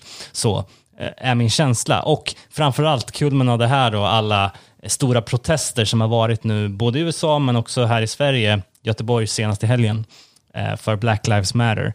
Vad är, vad är din eh, liksom, analys av läget just nu? Alltså just nu, alltså jag tycker ju, alltså jag har ju alltid tyckt att, att eh, USAs historia liksom, med de slavtiden, hur eh, liksom, hur, eh, alltså bokstavligt talat att så här väldigt många av USAs nuvarande poliskårer är liksom slavpatrullerna. Alltså som, det är ju liksom KKKs slavpatruller som bara har bytt namn och nu är de polisen. Och liksom, det är inte samma människor som, som, är, som är kvar, men det sitter ju ändå i. Det går ju i arv hur, hur man än gör. Liksom. Eh, och det har ju märkt så himla tydligt. Jag har varit väldigt intresserad av det. Jag har läst väldigt mycket om det. Och eh, jag, alltså, jag tänkte bara några dagar innan George Floyd blev mördad, jag säger mördad, eh, för, för det är min åsikt. Liksom. Eh, liksom, bara några dagar innan så tänkte jag på så här att fan, alltså nu var Ferguson och Baltimore, de upploppen, alltså det var rätt länge sedan nu. Det har ju inte blivit bättre. Det har knappast, alltså, utan det har ju snarare blivit liksom att under Trump så har både rasistiska poliser och rasistisk allmänhet fått liksom råg i ryggen och velat, eller och liksom vågar ta för sig mer. Eh, så jag undrade faktiskt så här, hur länge kommer det här hålla? Och så händer det här. Och liksom när den videon började gå, liksom, så uh, när man såg, alltså jag har inte sett hela, för det är för makabert. Liksom Ja, verkligen. liksom, då kändes det som, så, så fort man liksom såg det, så var det så här, okej, den här har så här många tusen retweets, det här, nu, nu kommer det smälla. Liksom. Och sen så tog det bara timmar, liksom så var liksom folk ute på gatan och så fort folk liksom kom ut på gatan och det var så mycket folk och det var så liksom nära i tid och det var liksom i, det var ju till och med i området där det hade hänt och allting liksom. Eh, då, då var det ju också verkligen så här, fan det här, nu, det, det, alltså det här kommer inte, alltså de här människorna kommer ju inte gå hem. Utan de kommer ju stanna ute tills det liksom händer någonting. Men jag hade liksom inte riktigt kunnat tro att det skulle bli så här stort. Jag hade ju aldrig då liksom kunnat tänka mig att det skulle finnas en eh, autonom zon i Seattle på sex kvarter. Liksom inklusive en övergiven polisstation. Eller att den polisstationen där eh, han eh, Chauvin, eller hur man nu uttalar det, han som eh, var ansvarig då, eller ytterst ansvarig för George Floyds död, att de faktiskt skulle elda upp den. Det hade jag ju aldrig kunnat Nej. tänka mig. Eller att du skulle sprida sig på det viset. Liksom. Jag hörde en intervju häromdagen i en annan podd med en, eh, en svensk som bor i, ska vi se, han jobbar som advokat där. Ah. Och han sa att liksom, alltså, varenda stad, varenda stad som är liksom någorlunda stor har upplopp. Alltså, Precis. De, det är liksom, folk har liksom varit så här, nu är måttet rågat, nu går vi liksom ut och visar att det här är vad ni måste betala om det här fortsätter. Det har ju folk åsikter på, naturligtvis. Vi hade ju faktiskt den första riktiga kravallen här sen eh, Göteborgskravallerna i söndags. Ja, Okej. Eh, det var ju liksom folk som slog sönder arkaden här. Så liksom, det är ju, det är ju det är rätt ovanligt att det händer här. Och det, det finns ju mycket så här teorier om vem det är som gör så och hur rättfärdiga det är eller om de ens var med eller om det var utomstående som liksom kom in och liksom så. Men det som, det som jag tycker är liksom stort är att det här är liksom någonting som folk verkligen känner med. Alltså att det här är ingenting som, det är ju inte så att liksom tusentals människor går ut på gatan under pandemitider om det inte är på allvar. Nej, jag, jag hade inte kunnat förutse hur jävla stort det här skulle bli. Eh, och det, jag tycker det är, det är en, eh, det är en eh, ynnest att få vara här och se det. Precis. Ja, men det är många som säger att det är just en, en historieskrivning som pågår. Ja, liksom, verkligen. att protesterna sprids till liksom, små förorter där 800 till 1000 pers samlas. Liksom, och det, är, det är lika mycket din bagare som din eh, skolfröken och granne liksom, som står i de där demonstrationerna. Eh, men sen tror jag också att man, man måste dra en parallell till liksom att eh, det här våldet som uppstår ändå har, det är oftast där vi hamnar med arga män som eh, inte vet vad de ska ta sig till. Alltså att det, det är liksom ett sånt inpräntat beteende att man tar till våld när man inte har någon annan lösning. Liksom. Precis, jag menar, det har, det har man ju varit med om själv hemma när liksom man ska göra någonting och så går allting fel och så är man stressad och så är det liksom, alltså att det blir lite för mycket. Den som inte har velat typ ta mikron och kasta den genom fönstret, liksom, den har ju inte levt. Den har inte levt. Nej men så att eh, det är ju så och det, det är väldigt mycket liksom så- här, att- och nu kommer jag sitta och liksom argumentera för min sak. Men det är ju naturligtvis så att det är folk som har varit med och liksom pajat fönster och satt eld på saker för att de tycker det är kul. För att de har tagit chansen.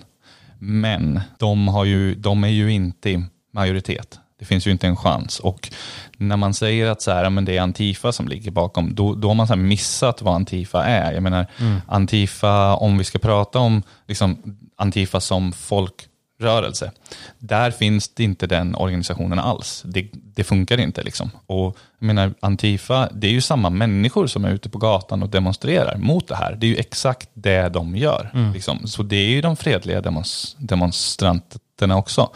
Men om man då ska liksom börja beskylla den lilla skara som är organiserad i Antifa-grupper och som liksom kanske, ja men som kanske genomför aktioner någon, någon, någon gång då och då. Liksom om man tror att de är tillräckligt stora och välorganiserade för att kunna liksom hålla en sån här grej igång, alltså då är man ju, då är man ju ute och cyklar. Liksom. Det är liksom så här, de skulle ju drömma om att vara det, liksom. men det är ju så här, det är ju tre, fyra pers och ett Twitterkonto i väldigt, Ja, många, exakt. i väldigt många fall. Och två av dem är kanske 16. Alltså, det, det funkar liksom inte. Nej, jag tycker att, eh, jag tycker att, man, eh, jag tycker att det är fult att liksom ta bort agensen från de, de som är arga och som har rätt att vara arga och som ja, men de har varit arga så länge och nu de, de måste få ut det liksom, på något vis. ett band som man ständigt återkommer till när man pratar om liksom så här, att liksom politiskt ta ställning för och, och göra det jävligt okompromisslöst just i de här frågorna, det är ju body count. Alltså, eh, inte minst då med förra plattans paradnummer No Lives Matter, men redan tidigt 90 så var de ju ute med Cup Killer liksom. Precis, Och- som ju är mycket mer mångbottnad än, än, än vad folk ger den credit för. Verkligen. Eh, och det är samma sak med, liksom, jag kommer ihåg första gången, det här är lite pinsamt att erkänna, men första gången jag såg den här Antifa-loggan med de här tre strecken som eh, jag insåg efteråt var en antifascistisk symbolik. Eh, jag trodde ju att det var Strike Anywheres logga, för de har ju den på alla sina album. Just det, Eh, det är sant.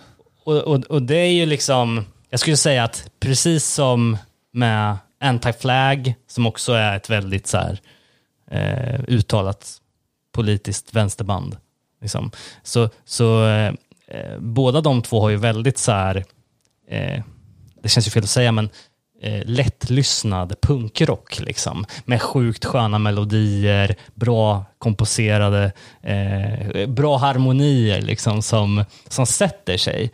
Eh, och, och just eh, Strike Anywhere, ehm, jag ska säga att det är ett av de viktigaste banden för mig. Ja. Eh, också i mitt politiska uppvaknande i och med eh, DD5 som kom 2006.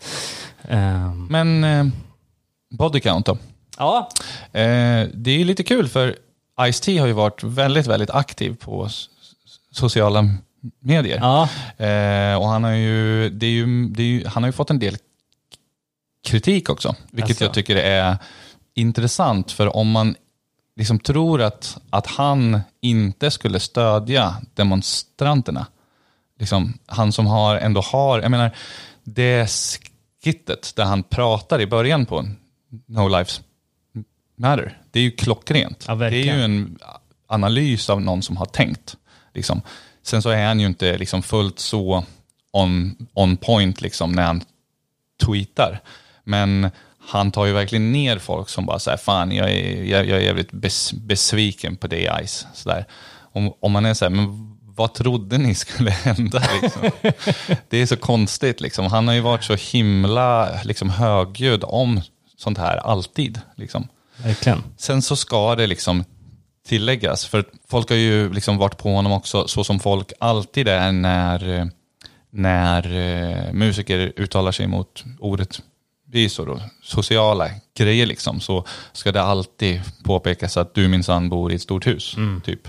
Det är som när varenda gång Refused postar någonting på sociala medier så är folk där bara så här, hur kan ni kalla kommunister när Ja, ni tar betalt exakt, för att spela? exakt. Ja, men, och så vidare. Och det är bara, det är bara löjligt. Världen, man, man ska leva i världen också. Men eh, en grej då med Ice-T som jag, liksom för att inte liksom credda honom för mycket, det är att han har ju faktiskt spelat polis i en tv-serie. Law and, Ja, Law and Order det. Special Victims Unit. Och det kan man ju tycka är så här, men det, är väl, det kan man väl göra. Och jag tittar ju liksom, jag kollar på polisserier, jag läser deckare, men jag gillar inte polisen. Jag gillar inte liksom vad polisen är i samhället. Liksom inte så att jag så här, den där polisen är dålig, utan jag gillar inte polisen som funktion. Eh, och det är väldigt mycket av de Hollywood-polisserierna som egentligen bara är en enda glorifiering här, av polisen. För om man skulle ta bort alla dem och vi bara fick ta vårt intryck av vad polisen pres- presterar, då skulle alla hata dem. Ja. För det är svårt att liksom se att de fyller någon direkt funktion. När de inte löser eh, så här skitsvåra brott på en timme i CSI. Nej, exakt. Det är jävligt sant. Det är en bra poäng. Och, men också body count, eh, alltså de har ju också varit uttalat politiska hela sin karriär som du, som du sa och eh, det är ju bara så här, återigen, precis som med strike, liksom att det spelar ingen roll hur lång tid det går, man står fast vid sina principer. Eh, och man, man står upp för det som är rätt. Liksom. Och det är ju ytterst få band som gör det. Alltså, nu, nu känner jag inte till så mycket i övrigt om eh, bandet Ministry, amerikanskt Ja. industrirockband. Men för mig var det lite eh, liksom out of the blue som de släppte någon slags Antifa-anthem 2017. Jag också, och jag var sjukt skeptisk. Alltså när jag hörde, för att eh, de gick ut med att den skulle komma några dagar innan. Liksom. Ja. Så. Eh, och när den kom så kollade jag på videon. Jag, jag har lyssnat eh, en del på Ministry förut. Ja. Liksom. Eh, men de har ju varit del politiska grejer. Man har kunnat läsa in det i varje fall. När jag såg den videon så var det sån cringe.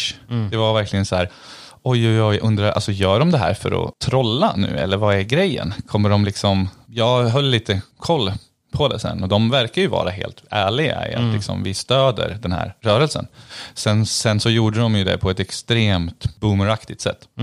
Eh, Så, så, så det var lite så här, men jag gillar det överlag, allt Ja. stöd är bra liksom. Och, och jag tyckte nästan att det var lite tråkigt att det blev som backlash på den för att, jag menar, när ett band äntligen kommer ut med att ta ställning för någonting som är bra, varför ska man då liksom ge sig på, ge sig på dem och liksom avfärda dem för att det är cringe? Liksom?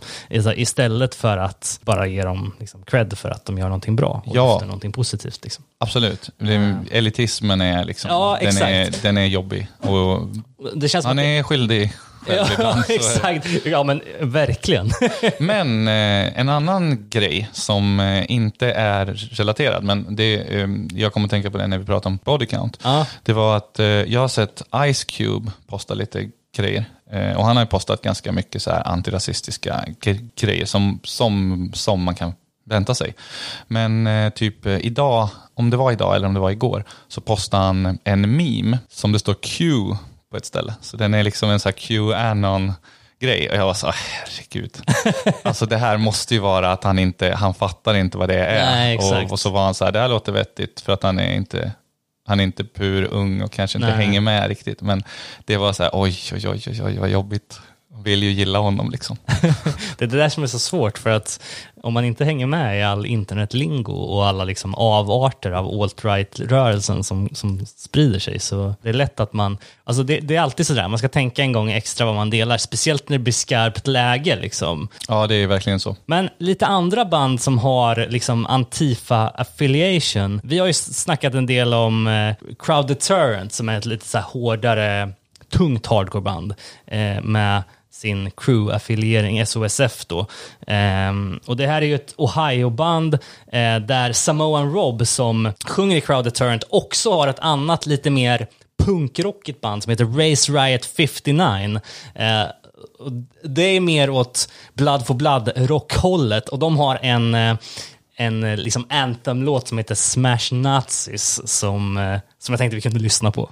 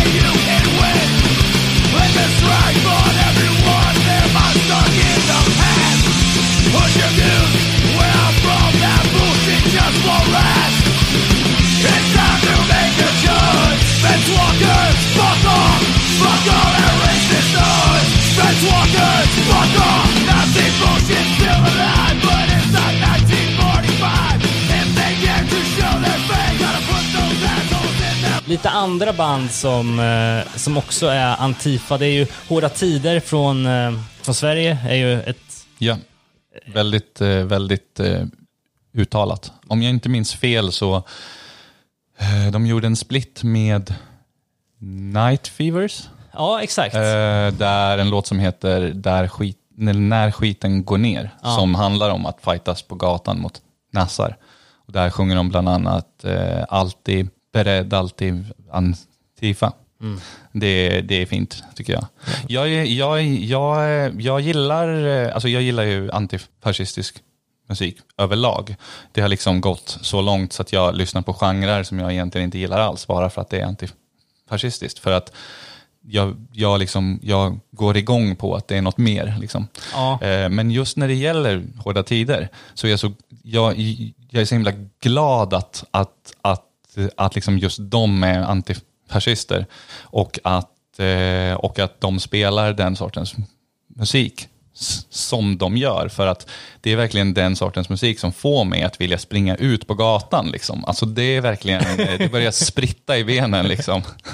Det, är så, det är så grymt skönt. Ja, jag älskar det. det Men, ja, men en, eh, ny platta med dem vore ju, vore guld. Verkligen. Det var ju alldeles för länge sedan. Jag hade bokat dem till en, eh, till en grej här. Jaha. Men sen skar det sig med de andra organisatörerna. Det, var, det behöver vi inte gå in på, men jag kände att det var bäst att hoppa av.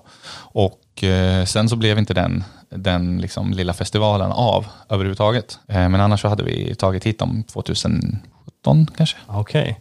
Alltså jag känner ju en oerhörd pepp nu inför 2021 om det börjar öppna upp sig. Så Ja. då, då tycker jag att vi, vi får se till att de kommer hit och spelar någonstans. Verkligen. Eh, Men, men det är intressant det där som du säger. Alltså, jag har ju alltid gillat, det låter så jävla fint att säga, men jag har alltid gillat lite så här tyngre typ av hardcore. Ehm, liksom så här, det är oftast ganska pajiga texter, liksom. men, men det är hårt och det är liksom så här. Och, eh, det som gjorde att jag började gilla liksom, hiphop på äldre dagar, det var just för att jag kunde hitta den där kopplingen liksom, i hiphopen. Att det, är så här, "Åh, det är tungt, det är stenhårt. Liksom. Och jag kan känna att det är lite samma sak med, med budskap i musik. Alltså, det spelar ingen roll om det är Dixie Chicks eller om det är liksom, eh, Hårda Tider eller Body Count. Alltså, har man ett bra budskap så väger det ofta tyngre än, än att så här, "Åh, jag lyssnar aldrig på country. Eller jag lyssnar aldrig på liksom, det här. Det är sant. Jag har Eh. den Dixie Chicks-skivan. för jag tror jag vet vilken du menar. Ja.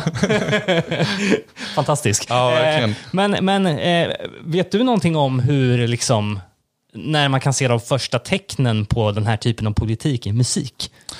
Eh, alltså från, om man ska gå tillbaka så, det är ju väldigt, väldigt tidigt. Och grejen med det är att liksom när fascismen kom på 30-talet, då var det ju inte så att man kunde spela in det och sen så spreds det och så lyssnade alla på det på Spotify och liksom lyssnade på det på förfesten. För världen var inte sån. Utan det tidigaste som finns är ju så här, det är ju gamla liksom, eh, det är ju typ, eh, alltså gamla sånger, alltså folksånger liksom. Ah. Så det allra första jag känner till är eh, Allas barricades, som betyder till barrikaderna, tror jag. Som eh, spanska anarkister sjöng under spanska inbördeskriget. Men det var nog en gammal komposition som de satte ny text på. Och så har den liksom eh, förts vidare från mun till mun. Liksom. Men eh, om vi säger det första som jag skulle räkna som antifascistisk musik på det viset som fortfarande liksom lever, liksom, eh, så är det väl Woody Guthries This Machine Kills Fascists som kom 42 och Bella Ciao som har kommit tillbaka eh, neråt. Det är en italiensk folkvisa också, en antifascistisk som den var från början en protestsång eh, från typ eh, ja, men, eh, 1800-talet. Som eh, jag tror att kvinnor som jobbade ute på fälten sjöng den liksom, som en protest mot sin arbetsgivare. Ah. Eh, men, och sen så satte man ny text på den för att bli antifascistisk, just typ 43. Och den sjungs ju fortfarande. Liksom, den är ju en sån som typ så här, symfoniorkestrar har plockat upp nu och så där för att liksom göra ett statement på sitt sätt. Så eh, det tycker jag är lite coolt. Men det är ju så här, det är ju riktigt, riktigt tidigt. Eh, sen så kan inte jag jättemycket musik från den tiden för att alltså, det är ju det är liksom det som återkommer som man lär sig. Annars är det inte så här, det är inte vad jag skulle lyssna på annars. Men eh, jag tycker den första liksom antifascistiska rocken eller punken jag kan tänka mig, det är nog MC5. Eh, och det är ju typ 62 eller något sånt där. Jag.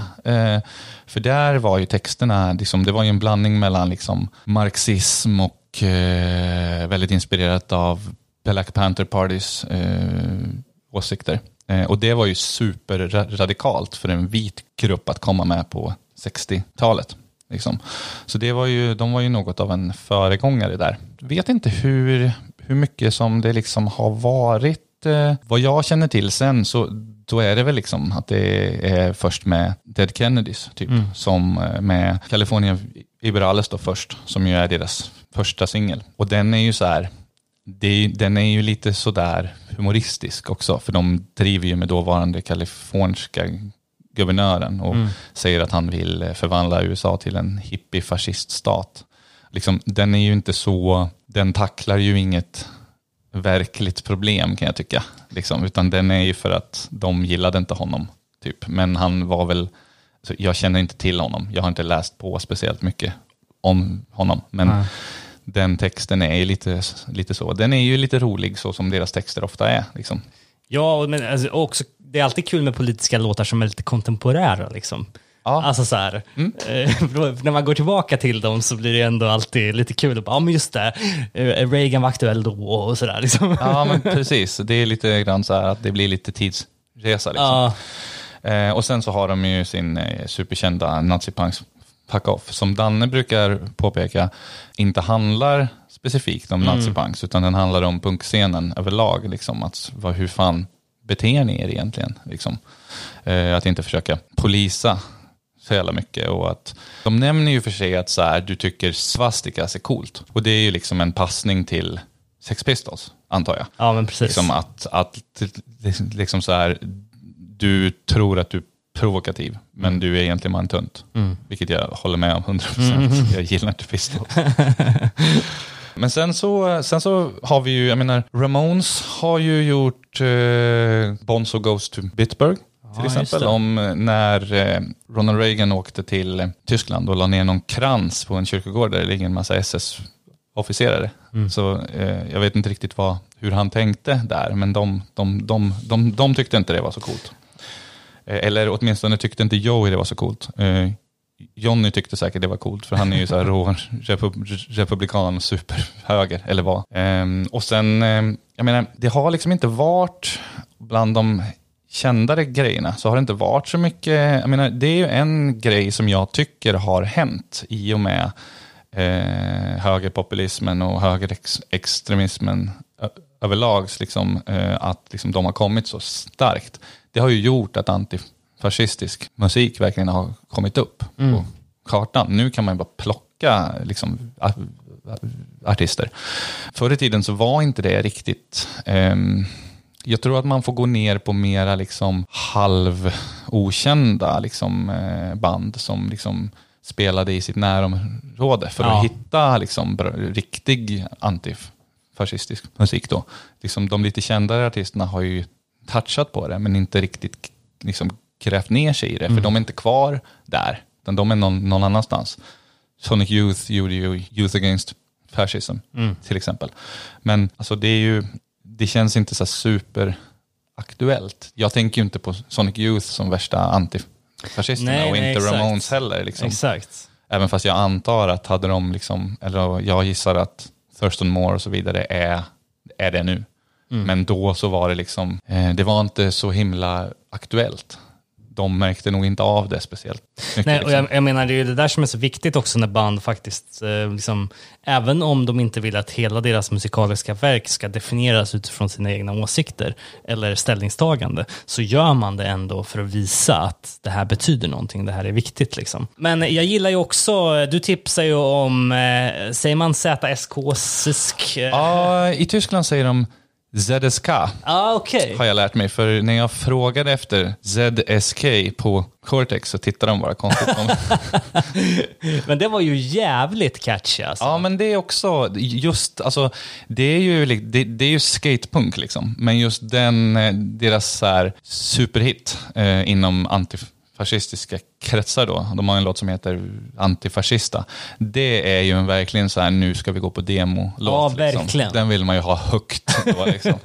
Den är fantastisk. Lite andra band som vi bara kan nämna då. Det är Prest Savio, eh, Oi Polloi, eh, Los Fastidos var ju jag inne på lite tidigare. Det är ju ett italienskt eh, Oi-band eh, bildat i Verona då, 1991. Och det är ju, de har ju sin liksom, hitlåt eh, Antifa Hooligans. Precis. Eh, men det är lite kul eftersom de håller ju på fortfarande och Italien är ju verkligen... De var i Göteborg förra året ju. Ja, exakt. Och, och Italien har ju verkligen blivit eh, så här högermecka på senare år. Och det snackar vi ju om i avsnitt 86 om nazi-edge tror jag. Men ehm, Men där är ju den antifascistiska rörelsen, alltså den är ju väldigt aktiv. Ja. För de, Italien, om jag har förstått det rätt, har ju, visst det är mycket höger, men det är mycket vänster också. Och det är väldigt lite mitten. Så det, finns ju, där finns det ju liksom mycket hardcore kommunister. Liksom. Speciellt i norra Italien tror jag att det är väldigt mycket så. lite andra band, eh, Anti-Flag, eh, Neckbeard Death Camp, eh, Napalm Death har vi ju snackat tidigare om, Race Traitor eh, och Svenska Existence är också. Mm. Ja, jag skulle vilja säga, eh, det har ju kommit en, eh, det har kommit en våg av liksom antifascistisk metal. Eh, kanske främst liksom black metal, death metal. Och det är ju också liksom lite reaktion, Ah. att vi ska ta tillbaka scenen. Liksom. Precis. Och där är ju Neckbeard Death Camp med. Och det är, det, är ju, det är ju liksom ett projekt mer än ett band. De, eh, de, de gör verkligen låtar för att reta upp så här, den nya althögern. Liksom, fan heter deras platta? The alt-right is for basement dwelling losers. Eller något. Alltså de, de, de, de, det är verkligen så här, de, de, de liksom går all in för att göra det. Och sen i så här black metal-sättning. Vilket också retar upp en massa så här, puritaner.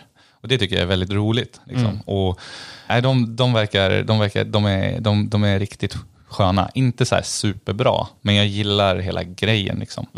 Sen så finns det ett brittiskt black metal-band som heter Dawn Raid. Som är fantastiskt bra. Eh, som är, de är anarkister och antifascister. Och, och de följer lite i den här brittiska traditionen. Att eh, det, är, det är nästan så här att om du googlar på så här British metal bands Antifa så kommer du hitta bilder på liksom Carl i Bolt Thrower i antifascistisk aktion t-shirt. Du kommer hitta Barney i Napalm Death i Anti-Fascist Action t-shirt. Och du kommer hitta Dawn Raid som står med en Anti-Fascist Action-fana. Liksom. Eh, och det är så skönt att, för jag menar, både Napalm Death och Bolt Thrower, de är ändå gamla. Liksom. Här kommer det nya liksom, och, och liksom bär den traditionen. Det, det tycker jag är riktigt bra. Det är en, jag rekommenderar verkligen att kolla upp dem. De är riktigt, riktigt, riktigt bra. Fan vad nice. Sen så skulle jag vilja lägga in en till grej när vi ändå är inne och pratar metal. Ja. Eh, och det här var ju någon som postade till, eh, till en bandcamp på, i eh, eftersnacksgruppen. Eh, men i, eh, i januari 2019 i eh, New York så var det en antifascistisk metal och crust-festival som hette Black Flags Over Brooklyn. Och där spelade Dawn Raid och lite andra. Eh, och det var ju liksom en, det var ju verkligen en festival som var liksom uttalat eh, ta tillbaka scenen. Liksom. Och det var, ju, det var ju verkligen så här, det var antifascistisk black metal, det var queer black metal, det var liksom krust och det var, men allt var liksom antifascistiskt, antisexistiskt, alltså allt man kan önska, önska sig liksom. Eh, och jag gick och hoppades att, liksom, att det här skulle bli en årlig grej. Eh, för vem vill inte åka till New York i januari? ja, Liksom verkligen. minus 30. Sådär. Men, men eh, det blev inte av år. Eh, Men den eh, arrades av eh, bland annat Kim Kelly. Som, eh, hon, hon har skrivit en massa så här metal-grejer för Rolling Stone bland annat. Och hon har även skrivit, det var ett tag sedan, men det började liksom cirkulera länkar till Teen Vogue som hade en svinbra artikel om amerikanska Antifa. Eh, och det var ju hon också. Ah. Det, det, det är väldigt konstigt, men Teen Vogue har så här gått från, jag vet inte vad Teen Vogue var förut, för att liksom jag har aldrig haft anledning att kolla upp det. Men jag gissar att det inte var eh, en publikation som skrev långa, nästan hyllande artiklar om Antifa Nej. innan. Så de har liksom blivit, det har blivit väldigt bra. Jag har läst ganska mycket bra grejer om olika saker där, vilket är lite så här spännande. Och som också visar på hur den här rörelsen tar sig in liksom på rätt oväntade ställen och får draghjälp. Vilket jag tycker är, ja, men det, är- det, det, det, det är coolt. Ja, och också alltså så här. Eh, jag älskar ju att, eh, för när jag kom in i hardcore-scenen, svenska hardcore-scenen, då var det ju alltid uttalat på spelningarna. Då stod det ju liksom på poster att det här är liksom inte ett ställe där vi diskriminerar. Liksom. Och sen, jag tycker att ju mer eh, när de stora bolagen tar över eller ju mer det blir turnépaket av det, liksom, när det blir st- större venues, det blir liksom inte eh, samma politiska budskap so- som uttalat. Liksom. För jag menar, det där behövs ju verkligen om vi ska få en återväxt i scenen liksom, överlag. Jag tycker, jag tycker själv inte att det är speciellt kul att gå på metalspelning. Man vet att någon jävel kommer dyka upp i Thule-tröja. Liksom. Ja. Det är alltid så. Eh, eller man får en, en, en bärs sullad i huvudet. Liksom.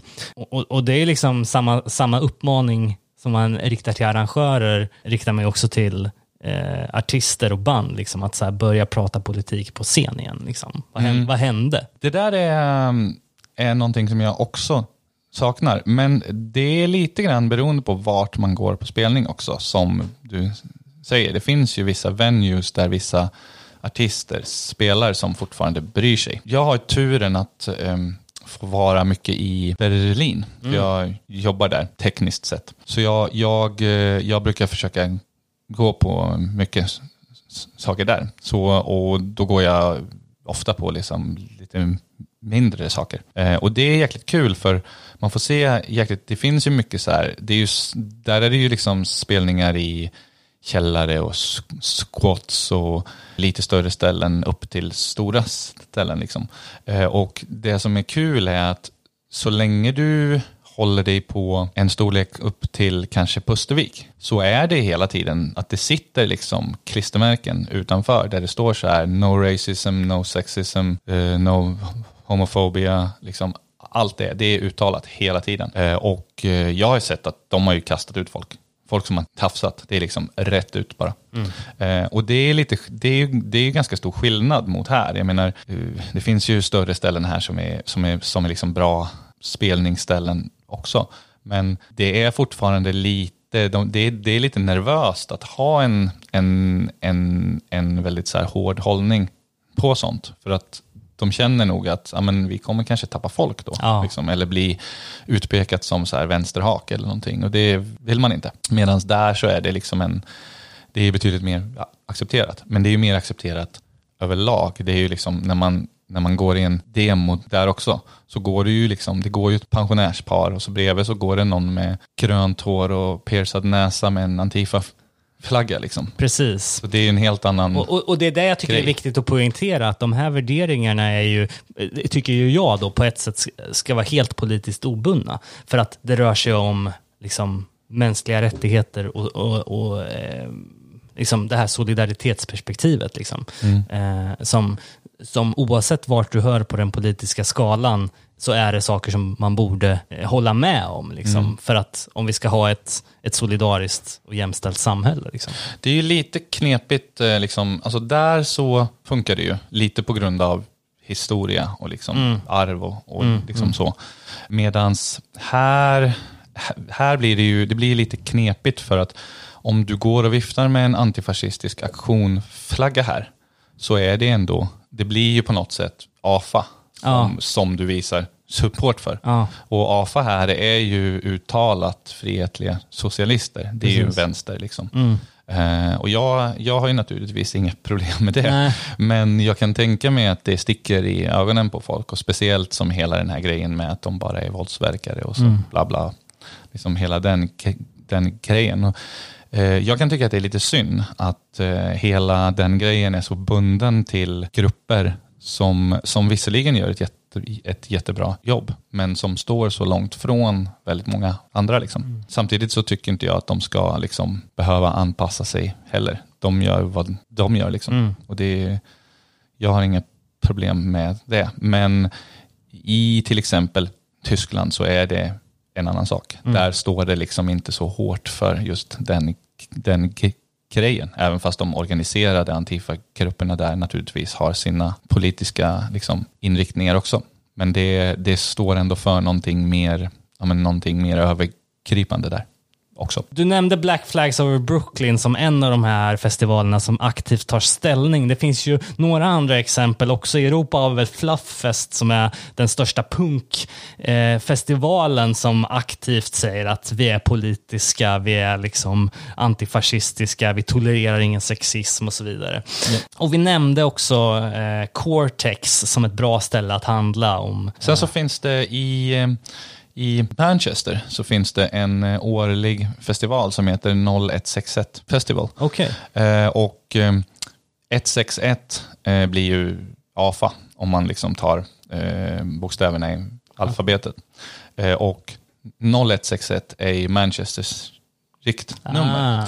Så eh, det här är en festival som arrangeras av eh, Manchester Anti-Fascists. De kallar sig inte Anti-Fascist Action i Storbritannien längre. Utan det finns London Anti-Fascist, det finns lite olika London Anti-Fascist, så finns det Manchester Anti-Fascist, så finns det Bristol Antifa och Brighton Antifa och säkert några mer. Men ingen kallar sig Anti-Fascist Action längre. Och jag frågade, för jag, jag var på en jag, jag, jag var i London för några år sedan och eh, då var jag på en, de hade en mingel typ. Så då frågade jag lite så här, men alltså hette ni inte Anti-Fascist Action för bara ett litet tag sedan? Eh, och då sa de att jo, men alltså det var lite folk som liksom gick överstyr och gjorde helt idiotiska saker. Så det funkade inte att ha kvar det namnet. Så därför har de bytt. De har fortfarande loggan liksom och, och allting. Men det här är ju liksom ett försök att vara mer som Tyskland. Att liksom, förs- liksom inte få det att förknippas med specifika aktioner som kanske sticker i ögonen på folk. Eh, och det är nog en vettig grej att göra, för de, eh, de har ju haft mycket med, eh, ja men dels så har de ju liksom att Ukip har, har liksom eh, varit relativt populära och eh, The Brexit Party och eh, eh, de har haft eh, National Front förut och liksom massa sånt. Och eh, så har de ju haft Tommy Robinson som ju var med i National Front ett tag, men som hoppade av och sen så har han liksom kört någon solo-grej. Eh, Så de har ju haft jäkligt mycket, de har ju varit mycket ute på gatan där. Eh, Men de har fått, de har fått med väldigt mycket folk också, vilket är, vilket är kul. Så att eh, det där namnbytet kanske var vettigt, liksom.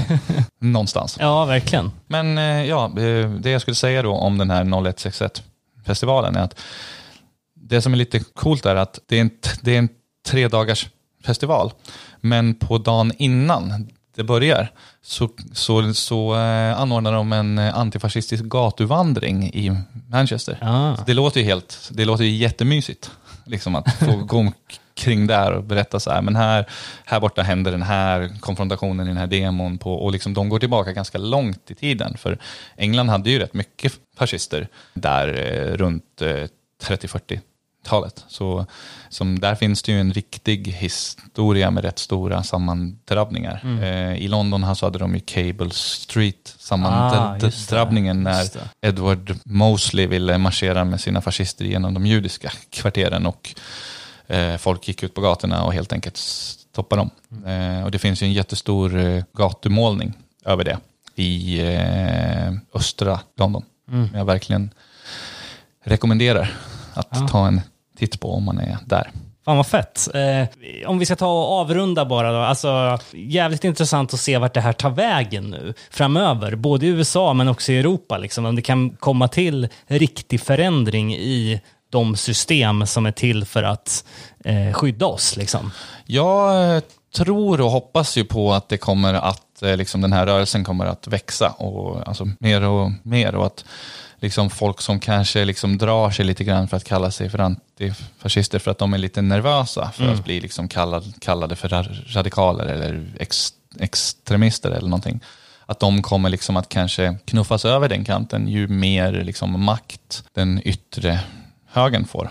Eh, och jag tror, jag hoppas ju supermycket på att eh, i USA, liksom, att kanske inte just den antifascistiska rörelsen liksom specifikt, men den liksom sociala rättviserörelsen där, att folk verkligen tar den här chansen och börjar organisera sig. Liksom att inte, inte låta det här bli en Occupy, som ju började lovande väldigt ofta, men som sen rann ut i sanden ganska mycket. Verkligen. Så här långt är ju tecknen väldigt goda, tycker jag. Fan Ande, det var jävligt kul att ha med dig. Eh, du Kul att vara här.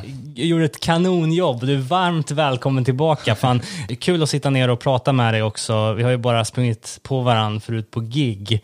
Så att eh, jag följer dig på Twitter, men du kan väl eh, bara plugga hur man får tag på dig.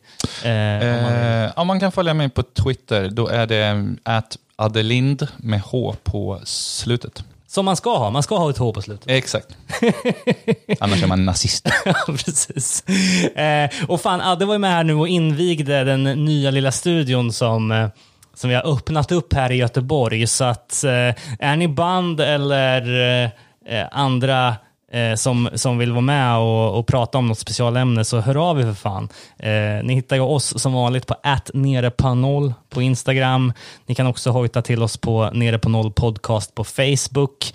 Eh, eftersnacksgruppen finns även och vi har även en Gmail som är nere at gmail.com. Eh, vi hoppas vara tillbaka om två, tre veckor till. Då förhoppningsvis i samlad trupp i en och samma studio och då har vi ju så in i helvete med nyheter och ding ding-ding-grejer att gå igenom. Så för mig och Adde, vi säger tack för idag. Tack!